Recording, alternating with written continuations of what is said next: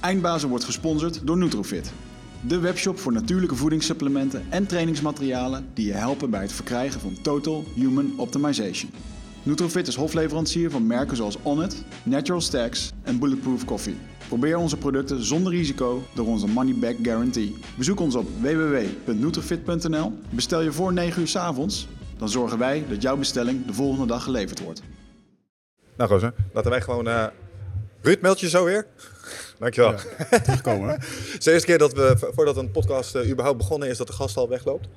Ehm, maar dat is vandaag misschien niet eh super gek. Zit je lekker, jongen? Ja, ik ben nog even mijn plekje aan het vinden in deze onorthodoxe studio. We zijn, we zijn in Deventer op het ehm, grote kennis. Festival, het grootste kennisfestival van, Nederland. Ja. En ehm, wij zijn in een foyer geplaatst. Ehm, we hadden nog paniek vorige week over dat we onze eindbazenbanner niet kwijt zouden kunnen. Ja. Maar volgens mij hebben we ons... eh, Het is goed dat we hem niet hebben meegenomen. anders was nu de zaal opgevuld met iets waar veel mensen niet blij van waren geworden. Oh, jongens. Qua grootte. Ja, mooi. Maar ehm, nee man, het is lach om inderdaad even op een festival te zijn. Ja. Ja, voor de luisteraars die eh, alle podcasts eh, luisteren. We hebben natuurlijk recentelijk Cornelis in de studio gehad. eh, die vertelde over dit mooie festival. En die heeft ons eh, uitgenodigd om eh, hier eh, vandaag te komen. En met een aantal van zijn sprekers gewoon eens even om tafel te gaan. Eh, nou, je zat net al Ruud, zijn compagnon. Maar die moest nog even op de dag van het festival zelf wat dingen regelen. Ik weet niet hoe het met jou zit, man. Maar je zegt het al. lang geleden, leuk om weer eens op een festival te zijn. Maar wij hebben ook wel eens evenementen zelf georganiseerd. En er zit een bepaald gevoel in de lucht als je spreekt met de mensen die het organiseren.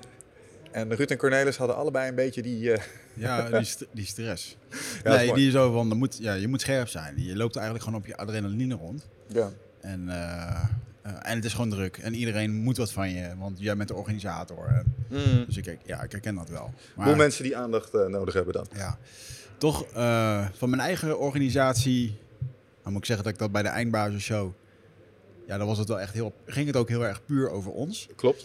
Maar voorheen, eh, toen we nog MMA-shows organiseerden, toen heb ik al de laatste shows echt zo georganiseerd dat toen het begon, dat Mhm. ik zelf gewoon lekker kon genieten en dat ik niks hoefde te regelen. En dat was wel echt, eh, maar misschien is dat onmogelijk om hier eh, te doen. Ah jongen, dat was een van de doorslaggevende redenen om destijds met jou samen te werken. Want jouw vechtsportevenementen begonnen in tegenstelling tot alle andere vechtsportevenementen. Op tijd. namelijk wel gewoon op tijd, ja. ik ga even mijn mic overgeven aan de overbuurman. Ja, Ruud. Ruud, je bent weer terug. Ik ben weer terug, ja, zeker. Eh, Het is een eh, hectische dag voor jou vandaag, volgens mij. Het is een hectische dag. Ja, Ja, wel ja. leuk hoor, maar Ja, wel dat geloof hectisch. Wel hectisch, ja. Ja, ehm, voordat we beginnen met eh, eh, de hectiek van de dag. ehm, eh, welkom. Misschien kun je even kort eh, aan de luisteraars vertellen eh, wie je bent en wat je normaal gesproken naast het geweldige festivals organiseren doet. Maar niet zoveel meer eigenlijk. Alleen dit nog maar. Ja, dat is wel streven in ieder geval. Nee, Rudy Jansman, ehm, eh, ik, ik, ik, ben al heel lang bezig, ik denk in 20, 25 jaar, met eh, veranderingen in organisaties, tussen organisaties. Dat, eh, dat integreert me op een of andere manier. Hè. Hoe krijg je nu veranderingen, innovatie gerealiseerd? Dat heb ik op allerlei manieren heb ik me daarmee bezig gehouden. In organisaties als programma, manager, projectleider, nou, allerlei, allerlei soorten rollen. Hoe kun je iets in beweging krijgen? Ja, En daarnaast ben ik ook heel lang bezig op allerlei manieren om daar in kennis, inspiratie, handvaten, ideeën over te dragen met mooie sprekers die bijzondere verhalen hebben te vertellen en die een podium bieden. En dat Ja. begon in, eh, met masterclasses, dus klein gezelschap, Eh, heel intensief. En eh, op een gegeven moment ging het over naar congressen, maar die vorm beviel ons eigenlijk niet zo. want we dachten, ja, als het over innovatief organiseren gaat, is het ook wel leuk om de vorm wat aan te passen aan de, de inhoud. Hè? Hoe, Ja. want een van de stelregels wel veranderen is eigenlijk van... als je van, zeg maar, van A naar B wilt, moet je het eigenlijk volgens de principes van B doen. Hè? Dus de, de vorm moet heel passen bij de nieuwe inhoud.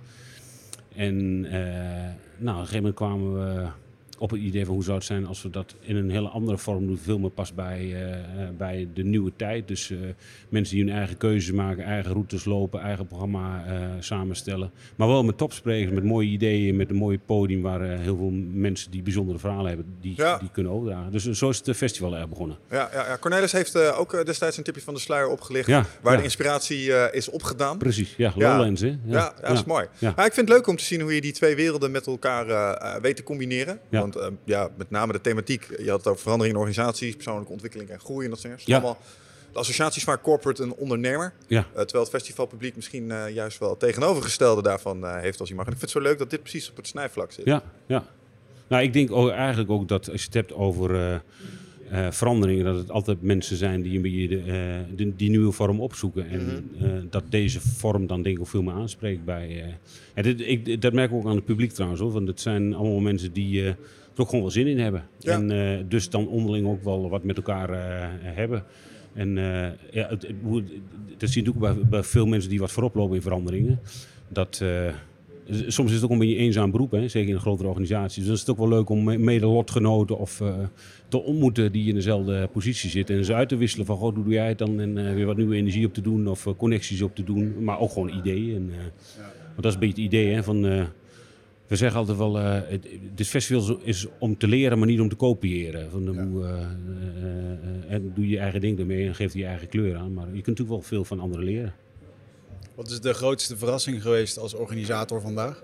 Vandaag. Ja, waar had je nog tegen op de boksen vanochtend vroeg? Ach, nou, de, de grootste uitdaging was dat eh, wij eh, een, eh, een belangrijke hygiënefactor is polsbandjes, munten en die werden niet geleverd. Oh, wow. Dus dat is gewoon organisatorische dingetjes, zou ik maar zeggen. Ja. Dus, Ja, ja, ja, dus was, maar ik weet niet of je dat bedoelt. Ja, ja, ben je meer op ja. zoek naar inhoudelijke, Nee, dat was andere even- soorten. nee, was even een- een luchtig, Dit is wat ons bezighoudt, eh, zou ik zeggen. Eerst even de luchtigheid. Om even, eh, we hadden het er net over dat als je hier eh, rondloopt en je bent zoiets aan het organiseren. ehm, ja, jij stond net buiten en dan heb je gewoon een soort van zwerm bij je om je heen van mensen die iets van je moeten of die je herkennen. Of, eh, dus kan je er ook nog wel een beetje van genieten?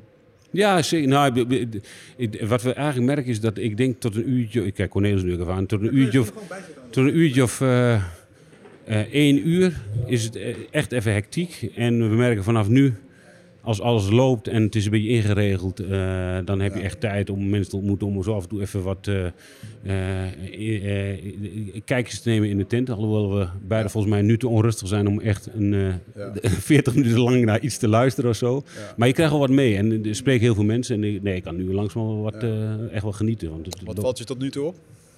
Nou, het weer is fantastisch. En ik vind echt, ik ben heel blij met, eh, eh, met hoe, de, eh, hoe het terrein is ingericht. Ja. We zijn echt wel, denk ik wel trots op de brug die we dwars over de haven hebben gemaakt. Wat, wat we ooit als droom hadden. En dat toch gelukt is eh, eh, met alle vergunningen, hectiek en dingen en havenmeesters Ja. en zo. Die eh, uiteindelijk allemaal heel goed hebben meegewerkt. Maar dat was wel een mooie aardig. Ja, ik vind het wel heel gaaf. Als, als je gewoon het water overloopt bijvoorbeeld. Ja, ik herinner me nog van de podcast dat dat nog even een aandachtsdingetje was. Dat jullie, ah, gaat het lukken of niet? Maar dat is gewoon gefixt. Het is gewoon gelukt. Ja, Ah, mooi, ja. mooi, mooi. Eerste en laatste keer heb ik begrepen. Ja, Ehm, ja dat wel. Ja. Sorry, heel mooi. Wat, was de, wat was de afweging? Nou, dat moet je aan de vragen. Maar, eh, Ja, die hebben daar stress van natuurlijk. Die moeten Precies. veiliging Ja, regelen gedoe, en zo. Ja, gedoe, ja. denk ik. Is eh, voor hun ook ja. extra workload, Ja. ik snap het wel. Moet je gewoon uit eten nemen straks. Ja, als ja, precies. Ja, we gaan iets goed bedenken. uit eten nemen, flinke Ja. bos We bloemen. gaan iets leuks eh, verzinnen. Weekendje weg met een vrouw. Precies. Dan heb je volgend Ja. jaar deze plek. Ja. Ja, heel wat gek. Hey, en ehm, als we nou even gaan kijken naar eh, de line-up eh, van vandaag. Jullie hebben toch al bepaalde thema's ehm, georganiseerd. Wat is de rode draad vandaag? Nou, de, de- we hebben eigenlijk elk jaar eh, innovatief organiseren als thema. En de, eh, eh, ja, de- uiteindelijk eh, wisselt dat per jaar, omdat er natuurlijk daar wel ontwikkeling in zit. Maar eigenlijk gaat het over zeg maar de zoektocht van heel veel organisaties naar nieuwe vormen van organiseren. Omdat de huidige manier van werken niet meer past bij de, de, de werkelijkheid of de toekomst Ja, die ja, ze voor ogen zien. En dat, nou ja, ik denk Cornelis het ook al verteld. We, hanteren het, het model van Henk Volber daar eigenlijk in. En die een soort kwadrant heeft waarin aangegeven wordt wat zijn nu belangrijke factoren eh, om eh, succesvol innovatief te zijn. Mhm. En dan kun je een aantal factoren onderscheiden. Dat gaat altijd over eh, nieuwe technologieën, adaptatie van nieuwe technologie. Mhm. Maar eigenlijk nog veel belangrijker is hoe je je leiderschap invult. Hè. Hoe dynamisch leiderschap noemt, noemt hij het dan. Maar hij gaat eigenlijk heel erg naar buiten kijken, eh, eh, je professionals de ruimte geven, eh, samenwerken met allerlei andere partijen. Mhm. Dan gaat het hoe je dat intern organiseert. En, maar het gaat eigenlijk vooral over hoe kun je je professionals de ruimte geven om eh, hun kennis en kunde in te zetten. Ja. eh, zonder daar gevangen te zitten in systemen en, eh, en procedures die daarin niet helpen. Ja. En het laatste gaat heel erg over samenwerken tussen organisaties. Hè. Er zijn heel veel problemen die je eigenlijk als organisatie niet meer alleen kunt oplossen. Waar je echt, en dat, heel veel organisaties hebben die competentie nog steeds niet. Hè. En dat is ook wel, ja, hoe doe je dat nu in zo'n netwerk samenwerken? Ja. En de laatste hebben we er zelf een beetje aan toegevoegd eigenlijk, is persoonlijk leiderschap. Omdat we denken dat in elke organisatie een persoon een eerste stap moet nemen. Ja. Dus een systeem zet geen stap of doet niks. Het moet, het moet, het moet altijd van een persoon eh, afhangen die het lef heeft om iets eh, in beweging te zetten of iets eh, ter discussie te stellen of nou, wat dan ook. En, maar dat, in veel organisaties Ja. heb je er ook wel lef voor nodig om dat Ja. te doen. Ah, je, je, je, in een speelveld wat ik zelf ook oneindig fascinerend vind. Ehm, ik ben wel benieuwd, wat zijn trends die jij spot, ook als je kijkt naar de line-ups? Ja. Die, die een invulling geven aan zeg maar, de problematiek die je net schetst. Je had het over die kwadranten, daar spelen Ja. allerlei dingen. Als je Ja. bijvoorbeeld hebt over leiderschap, eh, de, de innovatie, technologie, eh, de samenwerking. Wa- wa- wat voor ontwikkelingen zie je daar? Nou, eh, wat we van, van nu en de afgelopen jaren, zelforganisatie, zelfsturing, die, die thema's, Mhm. die spelen nog steeds. Waarbij het, eigenlijk de beweging is een beetje van zelfsturing naar zelforganisatie, vreemd genoeg. Dus er worden ook wel steeds meer vraagtekens gesteld van is zelfsturing nu het ultieme? Of is er ook iets van, eh, van leiderschap of eh, sturing nodig? En de zoektocht daarin van, hè, je ziet heel veel partijen die daar eh, in zoeken en ook eh, hun eigen kleur aan willen geven. Buurtzorg is natuurlijk zo'n zo'n voorbeeld voor heel veel zorginstellingen bijvoorbeeld. waarbij ook wel blijkt dat als je dat letterlijk kopieert, dat het eigenlijk helemaal niet zo goed blijkt te werken bij heel Nee. veel organisaties. Want het vergt gewoon een soort DNA en een soort nou ja, manier van organiseren die bij je past. Dus heel erg de zoektocht naar van de thema's, zoals zelforganisatie, zelfsturing, autonomie, samenwerken met andere partijen.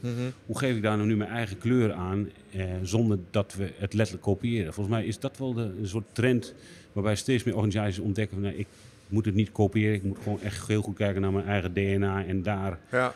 eh, de zelfkleuring aan, aan geven. Een van de dingen die ik eh, interessant vind en die je net benoemde en die ik zelf ook spot en wat ik zelf ook moeilijk vind om een antwoord op te geven, misschien kun je me daarmee helpen, is het spanningsveld tussen enerzijds zelfsturing, zelforganisatie, hè, wat Ja. je zei, maar aan de andere kant ook de behoefte aan een stuk, eh, nou, misschien soms wel fermer leiderschap als dat er Ja. nu is. Ik denk dat een boel organisaties zijn helemaal van ja, het team moet het doen, het team moet het bepalen, terwijl je als je dan kijkt naar wat er gebeurt, waarom staat er niemand op die even zegt, hé hey, jongens, allemaal nu hier naar rechts, Ja. Eh, want anders gaat het niet werken. Dus ik denk Ja. dat er ook altijd wel enige mate van mild directief leiderschap nodig is, zodra je met teams en groepen te maken hebt.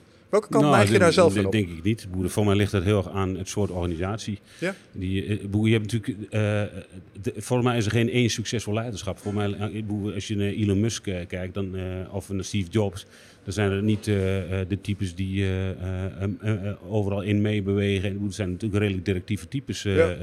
maar zijn heel succesvol. En daarnaast heb ik een, een Jos de Blok en andere. Dus volgens mij eh, ligt het heel erg aan het soort organisatie. Daar moet je heel goed naar kijken. Wat Mhm. past bij ons en hoe moeten wij het invullen? Eh, en ik denk uiteindelijk dat er altijd wel iets van een richting of een, eh, een, een koers nodig is om in te bewegen. Ja. Maar als je vanaf het begin af aan selecteert op super zelfstandige mensen, dan moet je geen directief leiderschap inzetten. Dan ben je binnen de kortste keer iedereen kwijt. Maar als je binnen een traditionele organisatie zelfsturing inzet, gaat het ook niet werken. Nee, omdat nee, iedereen precies. gewend is om hele eh, duidelijke boden. Dus voor mij is het daar de zoektocht naar van hoe kunnen we dat met elkaar dusdanige kleur geven dat het gaat, dat gaat werken. ja. Cornelis, ben je het daarmee eens? Ik ben blij dat het bijna een kopie is van het antwoord dat ik zelf gaf. Ik, ik, ik weet nog uit de podcast dat ik er wat moeite mee had, omdat ik, wij zijn natuurlijk veel meer, eh, bieden mensen een podium om het verhaal te vertellen en dan om het zelf het verhaal daarover te vertellen. Maar volgens mij werd ook uitvoerig over gehad dat het heel erg bij de organisatie past. Ik gaf onze eigen organisatie als voorbeeld.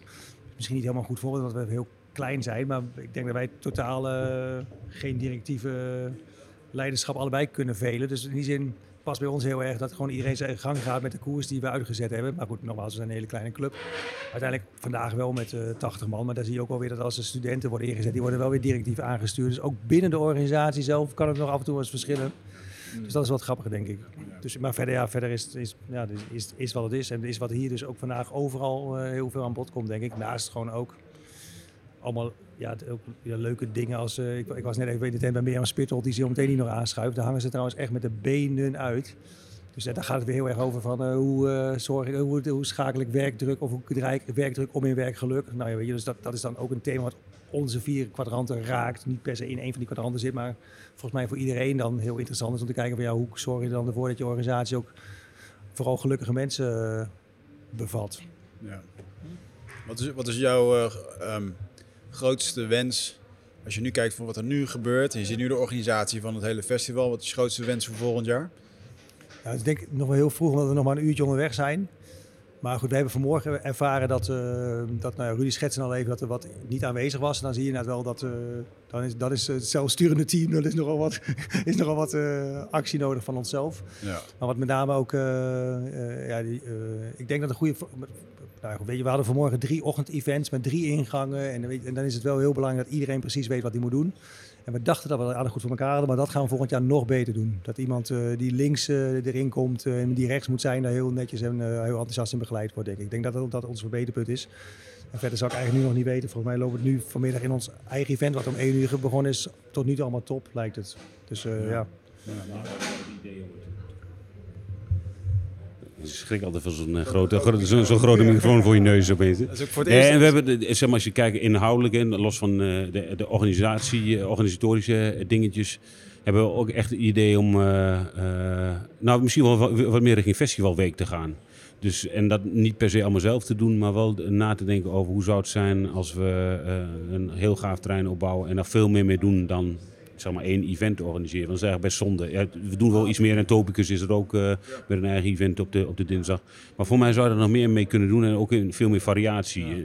Is het niet zo dat... Uh, volgens mij had je dat vroeger ook op van die Mysterylands en zo. Dan had je verschillende danceorganisaties die hun eigen terrein hadden afgebakend. En uh, ja. dan mochten ze daar doen wat ze willen. Ja. Nee, maar dat doen wij hier in de ochtend ook al een beetje. Uh, maar ik, ik kan me ook voorstellen, we hebben al gezegd, de Dutch Design Week als voorbeeld van. Uh, uh, ik denk dat je best iets neer kunt zetten wat qua inhoud het best op elkaar lijkt, maar waar je veel meer mee kunt doen. En misschien ook wel naast dit, we hebben ook gezegd, ja, misschien moet je ook wel iets van een, een doe-event organiseren bij wijze van spreken, waarin je met elkaar aan de slag gaat. Naast dus je kunt er allerlei variaties in verzinnen. Ja, dan willen we volgend jaar onze eigen eindbazen area. Nou zeg, ik pak net de microfoon van Rudy af om te zeggen, we, we kunnen een dag een eindbazenfestival maken. Dus wij, wij is, wachten uh, nooit totdat we worden uitgenodigd. Wij claimen we dit soort dingen. ja, maar oké. Okay. Maar dat lijkt me fantastisch om een, Volgende uh, plan. Ja, gewoon een, een toffe stage. En dat we gewoon uh, de gasten uitkiezen om daar dingen mee te doen. Dat je gewoon, daar kan je echt gewoon een hoop mee doen. Ja. Nou, we zitten nu midden in het proces dat we aan het kijken zijn waar we de grote eindbaas-show willen doen. Dus we zijn al naar venues aan het kijken en zo. We hebben daar ook wat hulp bij georganiseerd. Maar nou ja, het kan op zijn minst een keer uh, verkend worden, denk ja, ik. Maar dus, uh, leuk. leuk. Hey, uh, nog even terug naar de line-up. We gaan hier straks ook nog een paar mensen, een paar van jullie sprekers zien ja. vrijkomen. Christian, Mirjam, ja. jullie zelf, Jitske. Um, vertel eens, wat zijn dat voor mensen en waarom vielen deze op toen we jullie vroegen van... hey, wie zouden we hier nog eens even aan de mouw kunnen trekken? Ja, nou dat is een goeie. Ik ga nu met Cornelis uh, ik, ik, heb nog wat ideeën, maar uh, nee, ik ga het gewoon zelf. Cornelis heeft gekozen, ik ga het antwoord geven. Ja, dat is, dat, is dat ben, leuk? Dan, uh, nou, uh, Jitske is natuurlijk vanochtend al met een hele mooie show actief geweest. inclusie, op het inclusieve Jam Culture als thema, een nieuw boek over inclusie, diversiteit fantastisch zo. Ja, wel heel voor de hand liggende om uh, haar in ieder geval sowieso uh, te vragen, ja. uh, denk ik, met een, met een, heel mooi verhaal. Christian Mas, volgens mij kennen jullie hem ook al. Ja. Natopicus is een partij met wie we heel mooi samenwerken. En nou, dus denk ik ook hartstikke leuk. en Mirjam is precies een van de favorieten van Cornelis, denk ik. Dus moet ik zeg maar even... Nee, daar heb ik vorige keer ook over gehad. Dus ik vind meer besproken, vind ik, ja, ik zei het net al, ik vind het ook leuk dat ze echt met de benen eruit hangen in haar tent. Het is echt ja. een bommetje vol. Ieder, heel veel mensen willen daar naartoe. En ik denk dat het terecht is, want zij zij weet mensen met zoveel enthousiasme te betoveren in haar verhaal. En het gaat een beetje plat, een beetje in het eh, plat, niet in zin van plat, uh, maar uh, op dialect, op zijn Ja, hoor. ja, en het, is, het heeft de humor aan de kont hangen. Dat is gewoon, en ik hou ervan als met humor uh, een boodschap wordt overgebracht. En dan blijft het volgens mij beter hangen. Dus dat, dat vind ik echt gewoon een topspreker. Dus dat vind ik me heel leuk om haar hier in de podcast uit te nodigen. En bovendien kennen jullie haar ook al. En ik, wou, ik pakte net bijna de microfoon van Rudy af om te zeggen dat het ook met jullie tijdschema te maken had wie we gekozen hebben. Ja, dat is waar. Ja, ja, ja. Ook, uh, we hadden ook iemand op het oog, maar die is hier pas om zes uur. En we zouden volgens mij tot vier uur podcasten. Dus dat, is ook, uh, het had ook gewoon met praktische invulling te maken. Ja, hoor, dus binnen deze, dit praktische tijdvak hebben we een paar toppers uh, weten te bewegen naar deze podcast. Op meteen in de loop van de dag. Sorry, wat zei je? Ze die allemaal graag meededen. Dat is ook wel leuk om te ja, merken. Ja, ja, natuurlijk. ja. Mooi. Nou, fijn. Um, Even kijken, zag ik nou met een schuin oog daar al onze volgende gast staan? Klopt. Ja? ja. Zullen we die infaseren? Ja. ja. Ik zag al dat ze de weg gewezen kreeg. ze wil in ieder geval. Ja, ja, ja. Plankenkoorts. Met bier, ja. ja, ja, ja. Jij mag hier aangeven. Hallo. Hallo, hallo, hallo. In verband met elkaar. Live Met andere of, woorden- eh, ja, live voor 10 miljoen kijkers. 10 miljoen kijkers. nee hoor. Merci. Bedankt voor de kick-off, mannen. Ja, het is een moeilijke, kritische journalisten dit. Ja, Het valt mee. Zullen we gewoon eens even met eh, de hoffelijkheden beginnen? Hi. ja hoi.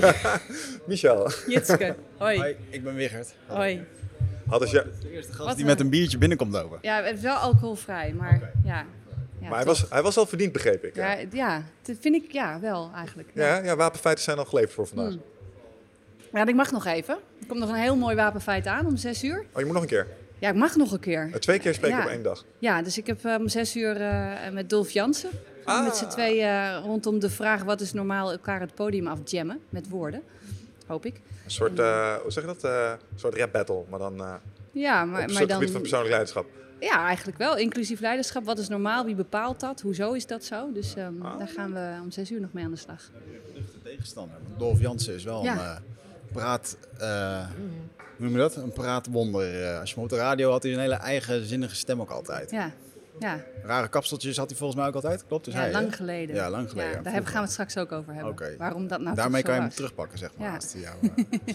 maar wat is je, wat heb je, waar heb je het vanochtend over gehad? Vanochtend heb ik het over gehad over inclusie. En dat is eigenlijk de vraag van wie mag er waaraan meedoen. En als je dan mee mag doen, mag je dan ook meepraten over hoe de dingen gaan. En als je mee mag praten, mag je dan ook mee beslissen hoe dat uiteindelijk dingen gaan doen. Ja, En, ehm, en dat heb ik gedaan. Dus, dus een, een, een, nieuwe lezing, nieuw Ja. boek, nieuwe lezing. En, eh, en in het boek heb ik ook wat spoken word opgenomen. En dat spoken word heb ik nu op het podium ook gedaan met muzikanten en, eh, en soundscapes en graphics. Dus omdat ik heel erg geloof dat het vraagstuk rondom inclusie, hè, wie mag er meedoen, diversiteit, al die vragen, Mhm. dat dat, ehm, dat, is, dat is geen rationeel vraagstuk. Is dat, het, is dat het gevoel dat men, dat, dat men meetelt? Is dat, Ja, en, maar dan? ook dus het gevoel dat je buitengesloten wordt, ja, of je, of, of je gezien wordt, of je gehoord wordt. ja. En ehm, we hadden vanochtend een prachtig programma met eh, Bart Brandsma en eh, Typhoon, Glenda Randami en Dolf Jansen en ik. En ehm, wat, wat Bart ook heel mooi laat zien is expert op polarisatieprocessen. Van, ja, iedereen, als je niet gehoord wordt, is de kans dat het polariseert of dat je harder gaat schreeuwen, ja. is gewoon heel groot. En ik denk dat wij in organisaties en ook in samenlevingen en families heel veel mensen niet horen. En die gaan dan schreeuwen en dan Ja. zeggen we hou je mond. Maar dat helpt dus niet. Dus hoe gaan we dat beter doen? Voor, voor mij is het tweeledig als ik dit hoor. Want enerzijds denk ik, ehm, uit mijn eh jiu-jitsu-achtergrond, dan wilde je bij de hogere banden horen. Dat was tof, want die deden de wedstrijden, dat was een apart clubje. En daar moest je voor knokken om daarbij te komen. Tot die tijd had je eigenlijk niet zo heel veel te zeggen. Anderzijds zie ik het ook alweer terug uit eh, de Indianenstammen waar ik regelmatig heen ga, dat iedereen wel een stem heeft. En dat is ook een hele mooi, heel mooi iets, maar andere hiërarchie. Beide vind ik wel heel erg mooi om te werken. Ehm, maar ik denk, denk toch, omdat ik langer in die eerste heb gezeten, dat ik die eerste toch wel heel fijn vind. En wat vind je daar fijn aan? Ja, het is toch een soort van, eh, je moet toch een soort, ehm, je moet je plekje veroveren. Ja. En daar mag je best wat voor doen. Ja? Ehm, en, en ik denk ook dat dat, dat, dat leiders en leiderschap oproept bij mensen. bij En, de en juiste wat als je dan die plek hebt? Want dat is dan de vraag. Dus, Ja. dus als je het hebt over inclusief leiderschap, voor mij is dat ook niet per se eh, heel coachend en soft en zacht, Ja. ook. Maar het is ook heel daadkrachtig. En dus als je Mhm. dan ingevochten hebt, je hebt die plek, hoe, wat heb jij dan gezien op inclusief leiderschap? Want er Nou, komt de verantwoordelijkheid bij. Ja, dan, dan heeft het er wel mee te maken dat je ook degene die nog niet zoveel te zeggen hebt, toch een plek kan geven. En mee kan Ja. laten gaan in het geheel. Want ook die lagere banden hebben ook een functie. Ik denk dat ik daar wel iets over weet. Want als je kijkt naar wat de zwarte banders doen op een gegeven moment binnen zo'n... Ten eerste waarom ik denk dat het je aanspreekt is omdat het... Vooral in, vechtsport zie je dat heel duidelijk. Het is een competentiehierarchie. Dus het gebeurt op basis van wat je kan. Je skills, dat is de enige doorslaggevende factor. Ehm, en wat zwarte banders doen zijn cultuurdragers. Eh, en ook een soort van eh, uitvoerders daarop. Als je bijvoorbeeld ziet dat iemand die net eh, een paarse bander aan het worden is, een witte bander, net iets te enthousiast, zeg maar, dan, dan kun je daar een beetje in reguleren. Of door even zelf te laten ondergaan hoe het is als het even iets heftiger is, of daar gewoon even iemand op aan te spreken. Ehm, dat zijn kleine voorbeelden, maar ik denk dat het ook breder is. En de uitdragen van techniek. Wat je zwarte banders heel veel ziet doen, is als ze rollen met anderen. Eh, is dat ze juist de ruimte geven, ze geven posities weg, eh, ze geven de anderen een stukje zelfvertrouwen. Mm. Dus, eh, en als je dat vertaalt naar organisaties, denk ik dat dat ook skills uitdragen naar de mensen beneden je. Ze in bescherming nemen, zorgen dat ze de Ja. cultuur juist uitdragen en je visie als organisatie op de juiste manier. Ja, ik, ik, ik denk dat, dat elke organisatie en elke cultuur daarom ook iets met hiërarchie moet doen. Dus we Mhm. zijn hiërarchische beestjes. Als met Homo sapiens bouwen rotsjes, apenrotsjes, en daar moeten we op zitten. En, en dus dat is een soort universeel vraagstuk. En het universele is ook dat niks betekenis van zichzelf heeft, maar we er samen betekenis aan moeten. We moeten samen bedenken wat vinden we goed, fout, mooi, lelijk. Weet je, al die kaders, dat noemen we cultuur.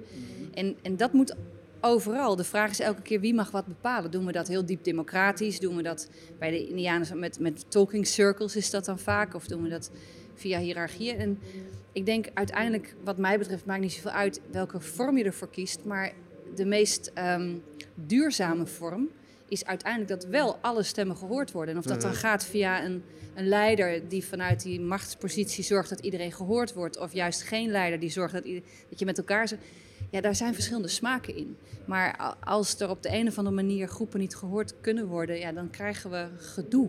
Ja, vind het wel interessant, hiërarchieën. Als je kijkt naar, eh, je had het er net over de samenleving. Als je kijkt naar Amerika, heb je een hele linkse stroming die met name eh hiërarchieën een soort, eh, ja, het, zat- het gaat altijd om macht inderdaad, ook al is het competentiehiërarchie en daarom zijn hiërarchieën slecht.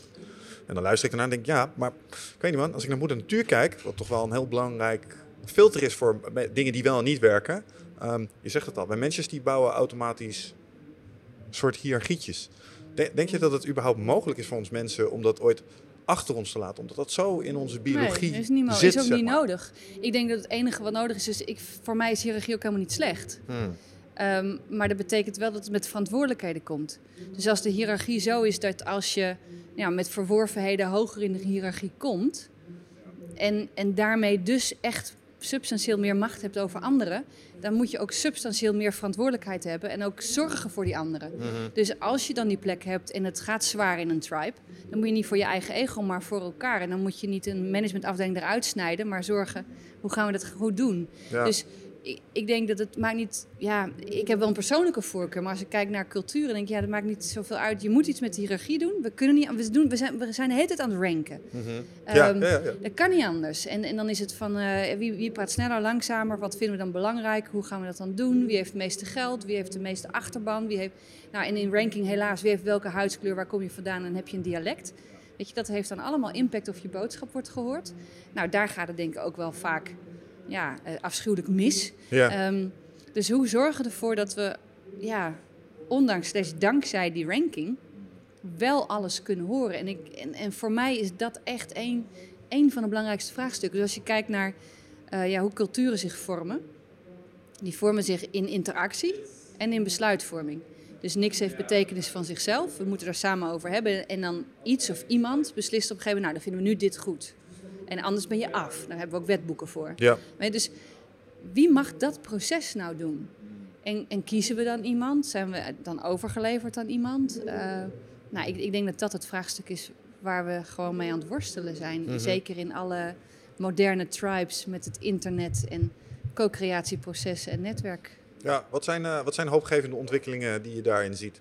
Dus technieken die veel worden toegepast. Ik, ik moet bijvoorbeeld denken aan eh, eh, toen je zei van ja, hoe zorg je nou dat, dat macht kan zorgen dat de stem van mensen eh, uit iets onderuit de ranking komen. Bijvoorbeeld besluitvormingsprocessen, Delphi-methode.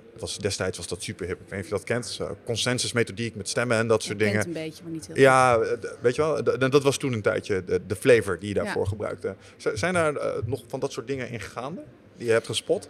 Ja, er zijn van allerlei apps en technieken en dingen. E- Eerlijk gezegd hou ik me daar niet zo mee bezig. Uiteindelijk gaat het mij om, ehm, dat is dan mijn, mijn toevoeging aan dat veld, is we komen dan uiteindelijk elkaar tegen. En we vinden dingen van elkaar. Zoals we hier zitten, vinden we dingen van elkaar. We, we horen, we zijn het eens of niet eens. Dan beslissen we, gaan we er tegen in of laat ik het tot me komen. Met hoe we eruit zien, vinden we dingen van elkaar. Dus dat, en lukt het ons nu om, om in dat contact oprecht te blijven luisteren? En, en dat is denk ik, het, dat, als dat wel lukt, daarom heb ik mijn nieuwe boek Jam Cultures genoemd. Dan ben je aan het jammen. Ja, Dus hoe doe je een jam-sessie op een manier dat je...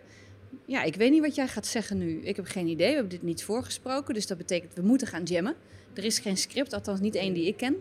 Ehm, Hier wel hoor, en, ja, dus ik zie daar. eh, nee, maar dus je, je zult elkaar tegenkomen. En het enige wat je op een gegeven moment op hoopt, is dat je oprecht naar elkaar gaat luisteren. Mhm. En oprecht luisteren betekent dus ook geraakt durven worden en je emotie mee laten doen. Ja, En je mening mogelijk bijstellen. Nou ja, dat is natuurlijk wel een hele spannende. oh, dat is echt een opgave als je daar wat langer over nadenkt. Ja, dat is het ook. Maar Om- en dat is wel de sleutel. Ja, maar ik denk dat daar echt... Dan, dan zul je iedereen die hier echt iets mee wil... zul je zo'n sterk component van mindfulness moeten weergeven. Want wat je eigenlijk hebt, is, is, eh, waar je het over hebt... is het spotten van dat interne gedachteproces... waarbij ik nu kan waarnemen dat ik zit te oordelen... of dingen vind of eh, aan het categoriseren ben... zodat ik niet echt aan het luisteren ben. Nou, dat zien, spotten en daar iets aan doen... dat is volgens mij een stukje mindfulness... Ja. een stukje bewustzijn van je eigen Ja, gedachteprocessen. ik, maar ik denk dat het ook weer heel makkelijk is. Dus ehm, ik heb in het boek beschrijf ik een jamcirkel. Want ik dacht van laat ik er een modelletje aan hangen, dan maakt het wat, eh, wat makkelijker. Eh, eh, wat, wat altijd start met leven leven. Dus, dus, dus wees er vooral niet mee bezig. Wees, wees blij, verdrietig, boos, whatever. En, en geniet van elkaar, jezelf. En we- leef het leven, doe gewoon. Ja. Ehm, en elke keer als er iets anders gebeurt of, of er valt iets op, dan is het moment om te, stil te staan dat daar bijvoorbeeld emoties bij komen kijken. En meestal als er iets anders is dan je gewend bent, of je wordt getriggerd dat het uit je comfort gaat, dan denken we over het algemeen niet de reflex, oh leuk, wat anders. Ja. Nee, meestal is, de, is toch de reflex, nou, maar even kijken wat dit wordt. Of nou, raar, of doe normaal, of Fuck. fuck. dus, dus het moment dat we dat zeggen, dat is het moment. Dus ik weet ja, dan moet je een beetje mindful zijn. Of in ieder Tikje, geval je ja. lijf. Maar dat je denkt, oh wacht even, dit, dit, is, dit is een trigger. Hier gaat iets gebeuren. Mhm. En, en dan, noem ik, dan moet je openstellen naar wat er dan is. En dat zijn de emoties. Dus de emotie op mogelijk word ik in of uitgestoten. Vind ik dit leuk, niet leuk. En als ik daarnaar luister, dan is het enige wat ik nog hoef te doen, is verwonderen en vragen stellen. Hmm. En en that's it. En als ik dat doe en ik heb dan al die mogelijkheden en perspectieven, en dan is het natuurlijk wel spannend als die anders zijn dan ik hoop. Maar, en dan moet je samen, ja, hoe gaan we dan dit verder samen doen? En dan wordt die wel spannend, dan gaat macht spelen, want wie gaat dan wat beslissen? Ja.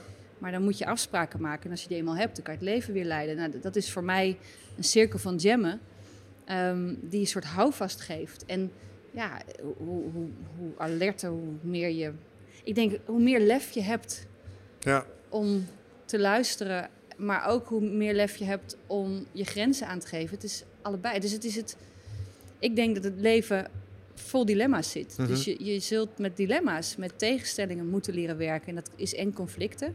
Ja. En polariteiten die je niet kan op. Conflicten kan je oplossen, polariteiten kan je niet oplossen. Dus daar moet je mee dealen. Dus that's it. Mhm. En dat is en makkelijk en heel moeilijk tegelijk. Eh, Jij noemt het woord polariteit. En ik moet eigenlijk zeggen dat als het gaat om polariteit in Nederland en onze huidige samenleving, dan, dan proberen we steeds meer van die polariteit weg te nemen. Iedereen heeft gelijke eh, ja, eh, rechten. In de zin van, dat klinkt eventjes wat... eh, iedereen heeft ook gelijke rechten.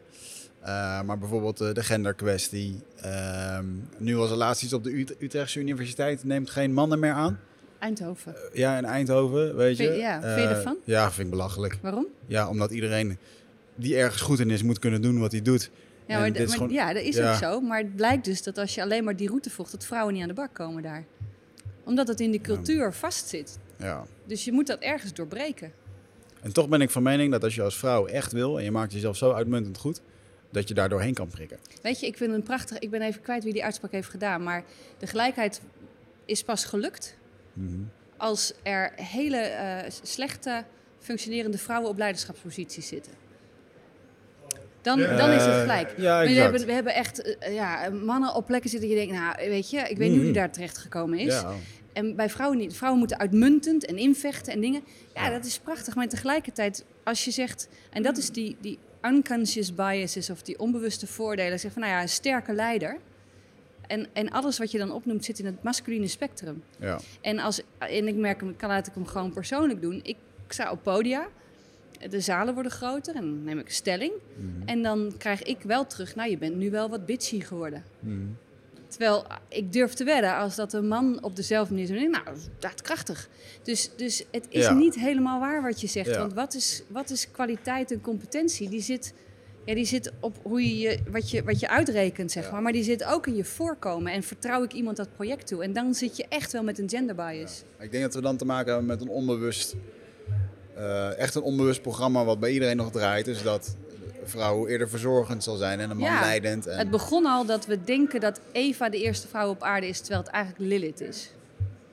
Als dat überhaupt waar is wat daar allemaal wordt gezegd. Ja, dat, dat, maar het verhaal is... Dus, nee, maar we hebben een beeld, het archetypische beeld. is dat we Aha. als vrouw per definitie ondergeschikt zijn. En dat we zorgzaam zijn. En als, als er een vergadering is en een vrouw neemt koekjes mee... dan is dat leuk. En als een man koekjes mee, dan denk ik, wow. Ja. En tegelijkertijd is het man-vrouw ook weer niet, en, niet, niet zwart-wit. Je hebt niet maar twee smaken in gender. Er zijn allerlei verschillende manieren. Je kan ook dertig smaken hebben. En alles ertussenin. Dus dat hele binaire denken daarin... Ja, nou ja, daar valt ook wel wat over te zeggen. Ja. Toch eh terugvertalend naar de jungle. Eh, ook daar worden vrouwen wel eens als, een, als leider gekozen. En, Zelfs daar. Zelfs daar. En, en, en, Zelfs daar. nee, zelfs daar. En, en waar ook de hele stam er tegen kan zijn. En, eh, maar waar er toch om een of andere reden wordt bepaald. Het zij omdat de goden het hebben gezegd of dat de een of andere wijze eh, eh, stamleider dat zo heeft besloten. En, eh, dus daar zit ook een vorm van overwinning, een vorm van vechten bij. En dat is voor die mensen Tuurlijk. ook echt wel een, eh, eh, dat geeft echt een voorbeeldfunctie. Maar ja, kijk, je kan een van de dilemma's, denk ik, waar we in, of polariteiten waar we in het leven mee te maken hebben, is wat is beter, competitie of coöperatie? En ehm, een, een prachtig verhaal is dat er een, een antropoloog die ging naar, de, de, naar Zaire, was het geloof ik. En had hij een, een groep kinderen en dan zette hij een, een mand met, met fruit onder een boom. En de kinderen zo'n, nou ja, 20 meter op afstand. Zei, dan gaan we daarheen rennen. Wie er het eerste is, die mag al het fruit opeten. Nou, wat verwacht je dan? En dan verplaatst dat even naar Nederland. Dan zet je er een bak snoep, want voor fruit doen we het niet. Ja. Na 20 meter en dan doe je een, groep kinderen. Wie er het eerste is in Nederland, kan je het wel voorspellen. Hard mogen rennen, opeten zo. En ehm, wat ze in Zaire zagen, is dat die kinderen pakten elkaars hand vast en liepen samen er naartoe. Ah. Waarop die antwoord zei, maar eh, waarom, weet je wel, waarom niet rennen? Waarom de competitie niet aangaan? Waarop het antwoord was, ja, maar hoe kan ik in mijn eentje gelukkig zijn Ja. als de anderen niks hebben? Ja. Nou, en dan is een hele interessante vraag die ik groepen wel eens voorhoud, is van, nou, wat is dan beter? Situationeel. Het is het liefst allebei. Soms hoop je dat je je handen vasthoudt, soms hoop je dat je rent. Er is geen of-of. Maar het is wel handig als we daar een beetje ritme in hebben. Ik denk dat er een hiërarchie in zit. Ik denk namelijk dat als je eh, optimale coöperatie wil, bijvoorbeeld binnen een team, dat een klein beetje competitie binnen je team ervoor kan zorgen dat ze hun skillset zo aanscherpen dat ze in de coöperatie weer beter uit de verf komen. Ik denk dat dat de relatie moet zijn tussen die twee. Ik weet niet of er een hiërarchie in zit. Als je onwijs goede relaties hebt, dan gaan je skills ook omhoog. Dus ik weet niet, het hangt er vanaf. Ik, het enige wat ik denk is dat we daar persoonlijke voorkeuren op hebben. En aangeleerde voorkeuren. En die aangeleerde voorkeuren, dat heet wel cultuur. Dus, dus als jij in die vechtsportcultuur bent opgegroeid, dan heb je daar je set gevormd. En voor je het weet, geloof je dat dat waar is. Omdat iedereen om je heen zegt dat is waar. Ja, en ja, het is ja, ook waar. Maar zit je in een hele andere context. Mijn kinderen zijn naar een, ehm, dat heet een vreedzame school. Eh, dat- die- Niet gevochten wordt. Ja, ja, ja. Nou Geen ja. schoolpleinruzies. nou, dat is wel waar. Dat wordt weggemediated. We worden heel erg geleerd om te mediaten, om met conflicten om te gaan. Ja. En eh, in de gymles krijg je met name eh, medailles voor eh, nou ja, eerlijk spel, eh, je, al- je teammates helpen, weet je, dat soort dingen. Maar ja, Iedereen dan een medaille? nou ja, in, het, in, in een bepaalde manier slechte geval wel zo. Maar, maar wat er dus... Het zit onwijze... ehm, wat heel mooi was, als ik dan keek op het schoolplein... heel erg nadruk op die coöperatie, op die samenhang. Maar ja, toen gingen die kinderen op het schoolvoetbaltoernooi... Met, Met de andere scholen. En toen zag je er En toen wel. had ik, hadden wij een team met, met, met jongetjes op het voetbalveld. Die, er gebeurde er iets en die staken hun vinger op met, met scheidsrechter. Dit is toch niet eerlijk? Ja, die verloren wel met 20-0. Dus het is niet of-of. Dus dat we zeggen, ja, maar ze moeten ook leren...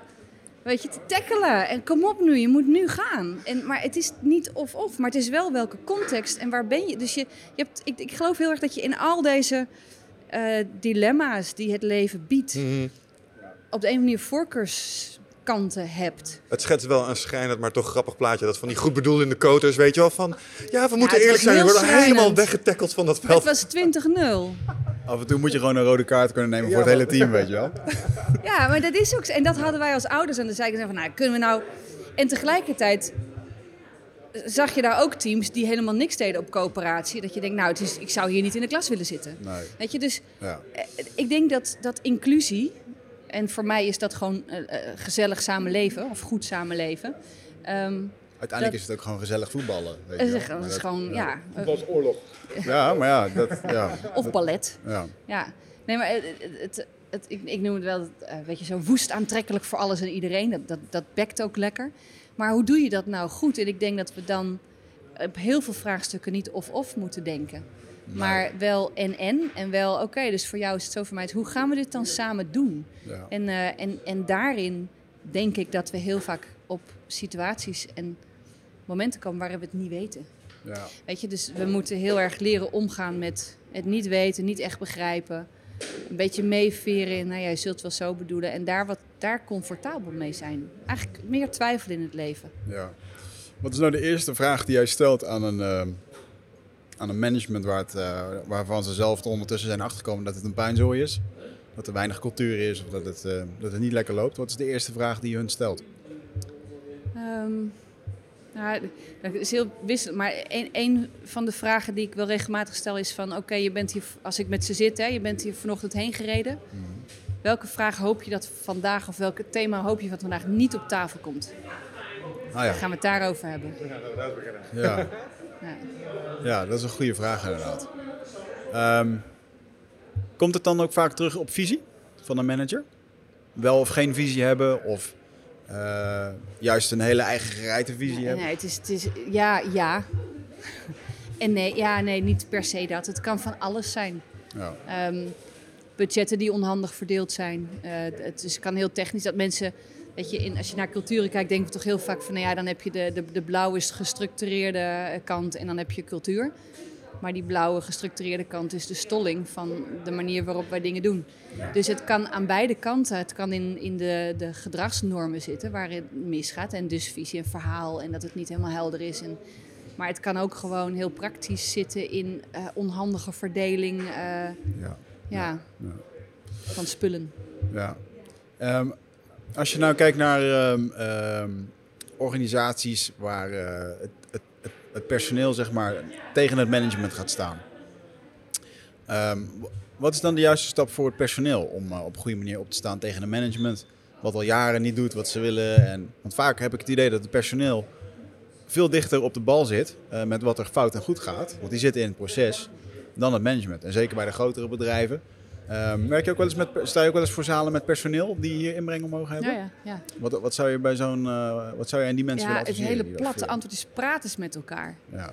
En ja, ja, maar ze luisteren toch niet. En dus ik doe het niet meer. Dus dan krijg je een soort stereotype. Ja, het management, de werkvloer. Dus eerst eens even weer humaniseren. Ja. Eh, Het management, dat is Jan, Fatima. Ah, weet je, wie is het management? En, eh, dan, en wat is je nou jullie gezamenlijke verhaal? En wat mij altijd opvalt in organisaties, is dat je één op één hele ehm, ja, eh, betrokken, gepassioneerde, duidelijke verhalen hebt. Dan zet je het in een groep en dan voeft die zo weg. Ja. En als je dan die, die verschillende bloedgroepen, of dat nou ehm, ja, de horizontale verschillen zijn tussen verschillende afdelingen of, of eh, productgroepen of de verticale.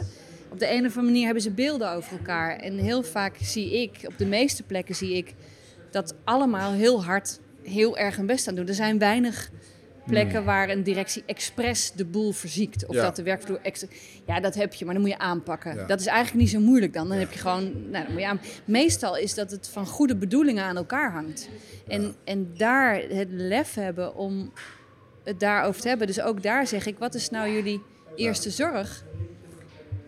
En wat moet je nou bespreken? Doe me een beetje denken aan een eh, vriend van mij, Jorg Ruijs. Die heeft een bedrijf, eh, Culture Builders. Die bouwen culturen binnen een bedrijf. En die heeft een mooie uitspraak dat niemand heeft het voornemen om ergens te gaan werken. En over vijf jaar die azijnvisser te zijn, weet je.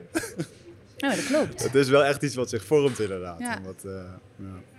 Mooi. Ja. Ehm, hoe zitten wij met tijd? We hebben nog een. Ik Oké. heb een vraag over de volgende lezing. Want je gaat nog een keer vandaag. Ja. En je gaat het hebben over eh, normaal of niet normaal. Ja. Nou, er zijn vast wel een paar thema's die je al eh, van tevoren hebt voorgeladen daarvoor. Van, wat zijn dingen die wij normaal vinden die dat eigenlijk helemaal niet zijn? Alles. Alles. ja, ook, oh, ga- verklein nader. En mijn aller, allereerste boek wat ik ooit heb geschreven, dat had de titel Normaal is anders. Ja. En ehm, alles wat wij bedacht hebben wat normaal is, hebben we bedacht. Het is niet uit de lucht komen vallen. Eh, dat betekent dat we met elkaar betekenis geven aan wat er is. En als heel veel mensen zeggen dat dat goed of fout is of normaal is, dan Ja. gaan wij het normaal vinden, wordt het waar. Ja. En als wij dit waar en normaal vinden, Nee, hoor, dan, ehm, dan is dat niet normaal. Ja. Dus alles wat wij, dat wij hier aangekleed zitten, is vrij normaal gegeven. Mhm. Ik bedoel, we zitten hier niet naakt. Dat zou bijzonder zijn, zeg maar.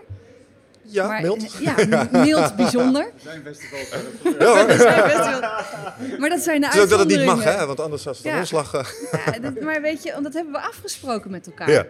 En zo hebben we alles afgesproken met elkaar. Dus alles kan tegelijkertijd ook weer ter discussie staan. Ja, wat zijn dingen die je wel eens graag nog weer eens een keer ter, ter discussie zou willen stellen, behalve het dragen van kleding? Ik zou, ja, dat is een mooie vraag. Nee, behalve, het kle- nou, kleding vind ik op zich wel goed hoor. Dat we, ik zou wel dat we meer mogen kiezen wat we zelf dragen. Oké, En, en, en zodra iemand iets beslist over een ander, eh, wel of geen hoofddoek, zodra de omgeving beslist of het wel of niet mag, maakt me niet uit. Zodra iemand anders, Mhm. dat je niet vrij kan uiten, daar heb ik wel moeite mee. Hmm. Dus, dus als ik in mijn KKK-outfit hier over de boulevard wil struinen, dan moet ik dat gewoon doen. go for it. Ja. Maar verwacht niet dat ik ook, eh, Sympathiek wordt, ja. Of, of nou dat ook ja, aantrekt. dat ook aantrek. Ja, ja, oké. oké, dus, dus laten we dat elkaar eh, een beetje vrijheid in. eh, Hmm. en, en natuurlijk kom je er altijd, wat zijn dan, dan de uiterste normen? Hè? Dus Ja, want het is ook een hoe- beetje hoe communicatie dan. mag je? Ja, En, en, oké. en dus daar liggen normen op. Maar ja, wat ik wel ter discussie waar ik. Ja, ik weet niet hoe ik het moet formuleren, maar je, je hebt. Ik vind dat we in het algemene eh, gesprek, op, Mhm. zeker in de media en in, eh, op, op, maar ook in directiekamers, dat we toch een grote norm hebben dat debat en stevig je mening geven, ehm, zien we meer en horen we meer dan werkelijke dialoog. En stevig aan je mening twijfelen. En ik zou wel meer normaal willen hebben op dat ik ergens kan zitten Ja. en dat ik een goed gesprek heb en dat ik aan het eind zeg zo, ik kijk er nu toch wel heel anders tegen. En op de een of andere manier doen we dat wel met vrienden in de kroeg. Maar in directiekamers en dan zeg, of bij de politiek, dan zijn het meteen twijfelaars, wiebelkonten. Terwijl ik denk, ja, maar hoe kan het nou? Je hebt een, je hebt een, een gesprek over, I don't know, vluchtelingen. Een gesprek over armoede, over ziektekosten. Weet ik veel. Je hebt een goed debat. We noemen het al een debat, maar je hebt een goed debat. Hoe kan het dat je daaruit komt zonder dat je van mening bent veranderd? Ja. Is het dan, eh, niet het, is het, dan niet het eh, verschil tussen competitie en coöperatie in een debat? Want het is heel veel competitie, in- bijvoorbeeld in de Tweede Kamer. Stemmetje laten zien. eh, Ja. nou, nu helemaal voorbereid. Weet je, die zitten dat helemaal met spindokters voor te bereiden. Ehm, terwijl er ook gewoon, hè, dat vond ik wel mooi toen wij met eh, Jan Terlouw eh, zaten, natuurlijk oud-politicus en schrijver. En die zei dat het, het moraal wordt heel vaak vergeten. Dus laten we het hebben over die vluchtelingen.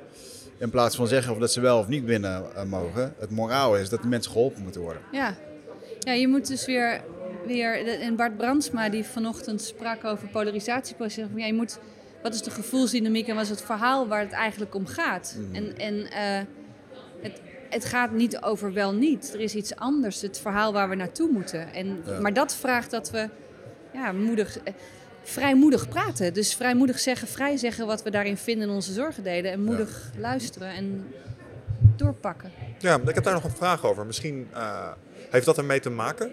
Want ik zit na te denken de hele tijd over hoe kan het nou toch zijn dat eh, inderdaad aan het eind van zo'n overleg eh, de meest stellige, zeg maar, de, de, de, dus misschien wel eh, niet dezelfde inhoud als de dialoog, maar de, het format is anders. Dus ze presenteren het op een bepaalde manier. En ik zit de hele tijd te denken, het doet me een beetje denken aan het verschil tussen podcasts en het nieuws. Hm. Want in podcast heb je de tijd voor een uitgebreide dialoog en zit er geen tijdsdruk op. Ja, Maar in een debat of in een nieuwsuitzending Ja. moet je heel kort en kordaat zijn. En er is een ding tegenwoordig, eh, dat heet instant gratification. Dus wat zal ik als mens tegenwoordig die geconditioneerd wordt aan alle kanten om direct mijn zin te krijgen, wat zal ik eerder doen?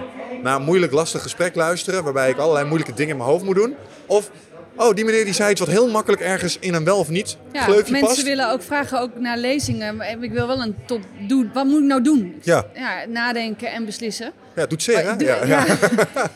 Ja, we hebben, we hebben, ja, ik bedoel, we hebben geen. eh, Als ik het format van het leven voor je zou hebben, weet je wel. Maar ja. Ja. ja. dus ik denk dat we regelmatig de context zo creëren dat we gewoon niet goed kunnen luisteren. ja. Onder het mom van, maar, maar de strategie, we hebben moeten belangrijke strategie bepalen als je naar bedrijven kijkt. En we hebben daar een, hal- een hele, nou liefst halve dag voor. Ja, Ja. Oké, vier uurtjes, TikTok. Ja, ja. Daar kan je, waarom geen week? Ja. En da- ja, dat is niet normaal. Ja, maar we hebben bedacht dat dat normaal is. Dus ik zou wel... We hebben, we hebben vergaderruimtes zo ingericht dat het onmogelijk is op een echt gesprek. De stoelen zijn te groot, de tafels te groot. Grappig is dat, hè? Eh, Dus we... Het is niet Weet je, dus wat is normaal? Zorgen dat je de ruimte inricht voor hoe die... Ja, Ik vind het ook fascinerend om te zien hoe dat ontstaan. Dat dingen normaal worden. Een heel mooi voorbeeld eh, wat, wat ik zelf heb gezien. Dus, eh, jij denk ik ook. eh, jij ook. Eh, we hebben smartphones. En wij hebben bepaalde apps en communicatiemiddelen hebben zien opkomen. En daar ontstonden plots ook normen. Als je het hebt over die vier uur bijvoorbeeld. Binnen vier uur moet je een team alignment sessie kunnen doen. Want half dagdeel. Kom op zeg. Ja. Ehm, idem dito met, hey, als ik een berichtje heb gestuurd en er staan bepaalde vinkjes. Dan word, ik, word je geacht om binnen tenminste vier uur iets van je te laten horen. Of twaalf uur. Want anders overschrijd je ook een of andere onzichtbare ja. norm. De WhatsApp, wat is het? Twee minuten? Op zijn minst, ja. Ja. ja. ja, ja, Dus eh, het is heel grappig om te zien hoe dat dan langzamer zeker. Maar waar kwam dat vandaan? Want eh, blijkbaar worden de memo's gestuurd die ik niet ontvang. Waarin wordt medegedeeld de SLA op reageren op WhatsApp berichten is ja, maar vanaf het nu zijn denk vier ik uur. geen memo's. Het is wat, dat is cultuur. Ja, dat vind ik interessant om te zien ontstaan. En daar zag je dat heel mooi in het klein gebeuren. Hey, kan dat iets stiller misschien? Dankjewel. dat is het leuke van de locatie opnemen. maar daar, daar zag je dat dus in het klein ontstaan. Ja. En eh, het is wel heel grappig om te zien hoe dat ook binnen bedrijven op allerlei onderdelen eh, Ja. gebeurt dat ook. Ja. Maar, maar ja. hoe, hoe peuters je daar weer uit los? Hoe neem je zo'n club mee die vier uur normaal vindt voor zoiets wat, wat cruciaal is, wat best wel zeven dagen zou mogen kosten? Hoe fix je dat? Hoe, hoe, hoe timmer je ze weer bij?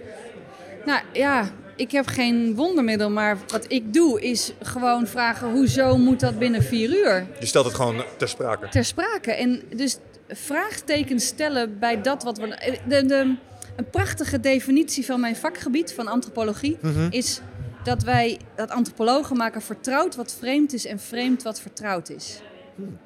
En vind, ik, ik Kun je dit illustreren daarvan. met twee voorbeelden? Nou, je maakt vertrouwd wat vreemd is. Dus iets wat je nu heel vreemd vindt, Mhm. je kijkt ernaar, dan wordt het vertrouwd. Ja. En je maakt vreemd wat vertrouwd is, wat je heel normaal vindt. Je kijkt ernaar, dan wordt het eigenlijk heel raar. Ja, Dus- ja oké, zo. Ja. Dus, dus ja, het is heel raar om daar zeven dagen over te doen. Totdat je erbij stilstaat, heeft het, wordt het eigenlijk wel gewoon. Mhm. En je bent nu heel gewoon om zo'n belangrijke sessie om vier uur te doen. En als je er langer naar kijkt, is het eigenlijk wel heel raar dat we dat doen.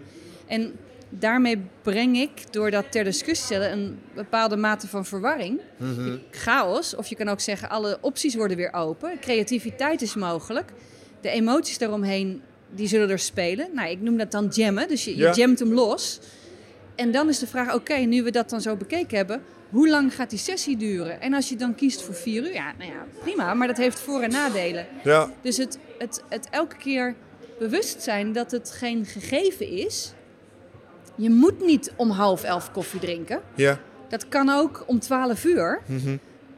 Maar je hebt gewoon keus. Ja. En, en begin jij dan, ehm, want eh, mij is wel eens een keer verteld, ehm, als het gaat om bedrijfscultuur, een vis stinkt bij de kop. Met andere woorden, eh, beneden kopieert men wat men eh, boven doet. Ehm, en ik heb wel eens het gevoel dat de normen binnen organisaties eigenlijk gewoon worden bepaald door te kijken naar het leiderschap. Er zijn organisaties eh, waar het heel gewoon is om vijf minuten te laat te komen. Dan zeg je, hoe kan dat? Ik heb, ja, de manager komt ook altijd vijf minuten te laat. Dus je, je kopieert zeg maar, je leidinggevende een beetje. Eh, en dat brengt me terug op het, op het thema macht. En je had het er straks over jamculturen. Ehm, de optimale jamcultuur. Hoe gaat die om met dat fenomeen? Het fenomeen macht. Want we hebben ook wel eens in de Nou, podcast ik- geconstateerd, macht corrumpeert. Nou, ik wil hem nog wel, wel ter- terug. Want ja, eh, je kopieert je leidinggevende, maar je kopieert ook je peergroup, je beste vrienden. Ja. En die zijn misschien wel machtiger dan je Dan- leidinggevende. ja, dus, dus je leidinggevenden zijn machtig, want die hebben invloed op je zakgeld. Ja. Het heet salaris tegenwoordig. maar en, en ik noem het expres. Ik heb twee tieners thuis. En die, die, dus die, die, die, die verticale macht, ja, wel degelijk heeft. Ze kopiëren natuurlijk wat ik doe. Zo werkt dat. Ehm, maar ze zijn nu wat ouder en kopiëren toch ook wel heel veel van hun peergroup en minder van mij, zeg Ja. maar. En dat is heel gezond. Dus in organisaties heb je twee, heel veel machtsassen, maar twee die belangrijk zijn, verticaal en horizontaal. Mm.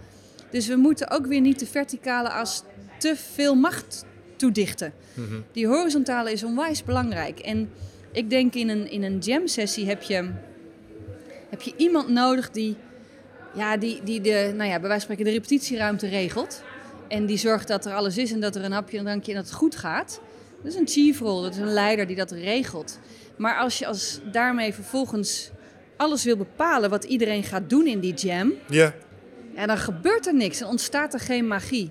En, eh en Glenn de Randami sprak vanochtend over hoe hij dat doet met zijn band. En hij zei van ja, als je, als je dat te veel vastzet, dan gebeurt er niks. En als je het, als je het alleen maar overlaat, gebeurt ook niks. Je moet, je, dat is een balans zoeken, een, een flow in dat leiderschap. Dat heet dan in organisaties heel mooi gespreid leiderschap. Ja. Maar dat betekent dus ook dat je af en toe volgt en het laat gebeuren en dan weer herpakt. En, en die balans, nou in, in een thuissituatie noemen we dat opvoeden. En, en, en die is zoeken, hoe ga je dat nou op een goede manier doen? En dat betekent dus soms naar voren stappen en je macht pakken wanneer dat er is. En, en als je hem niet pakt, wees wel bewust dat je hem hebt. Dus wat ga je er wel of niet mee doen?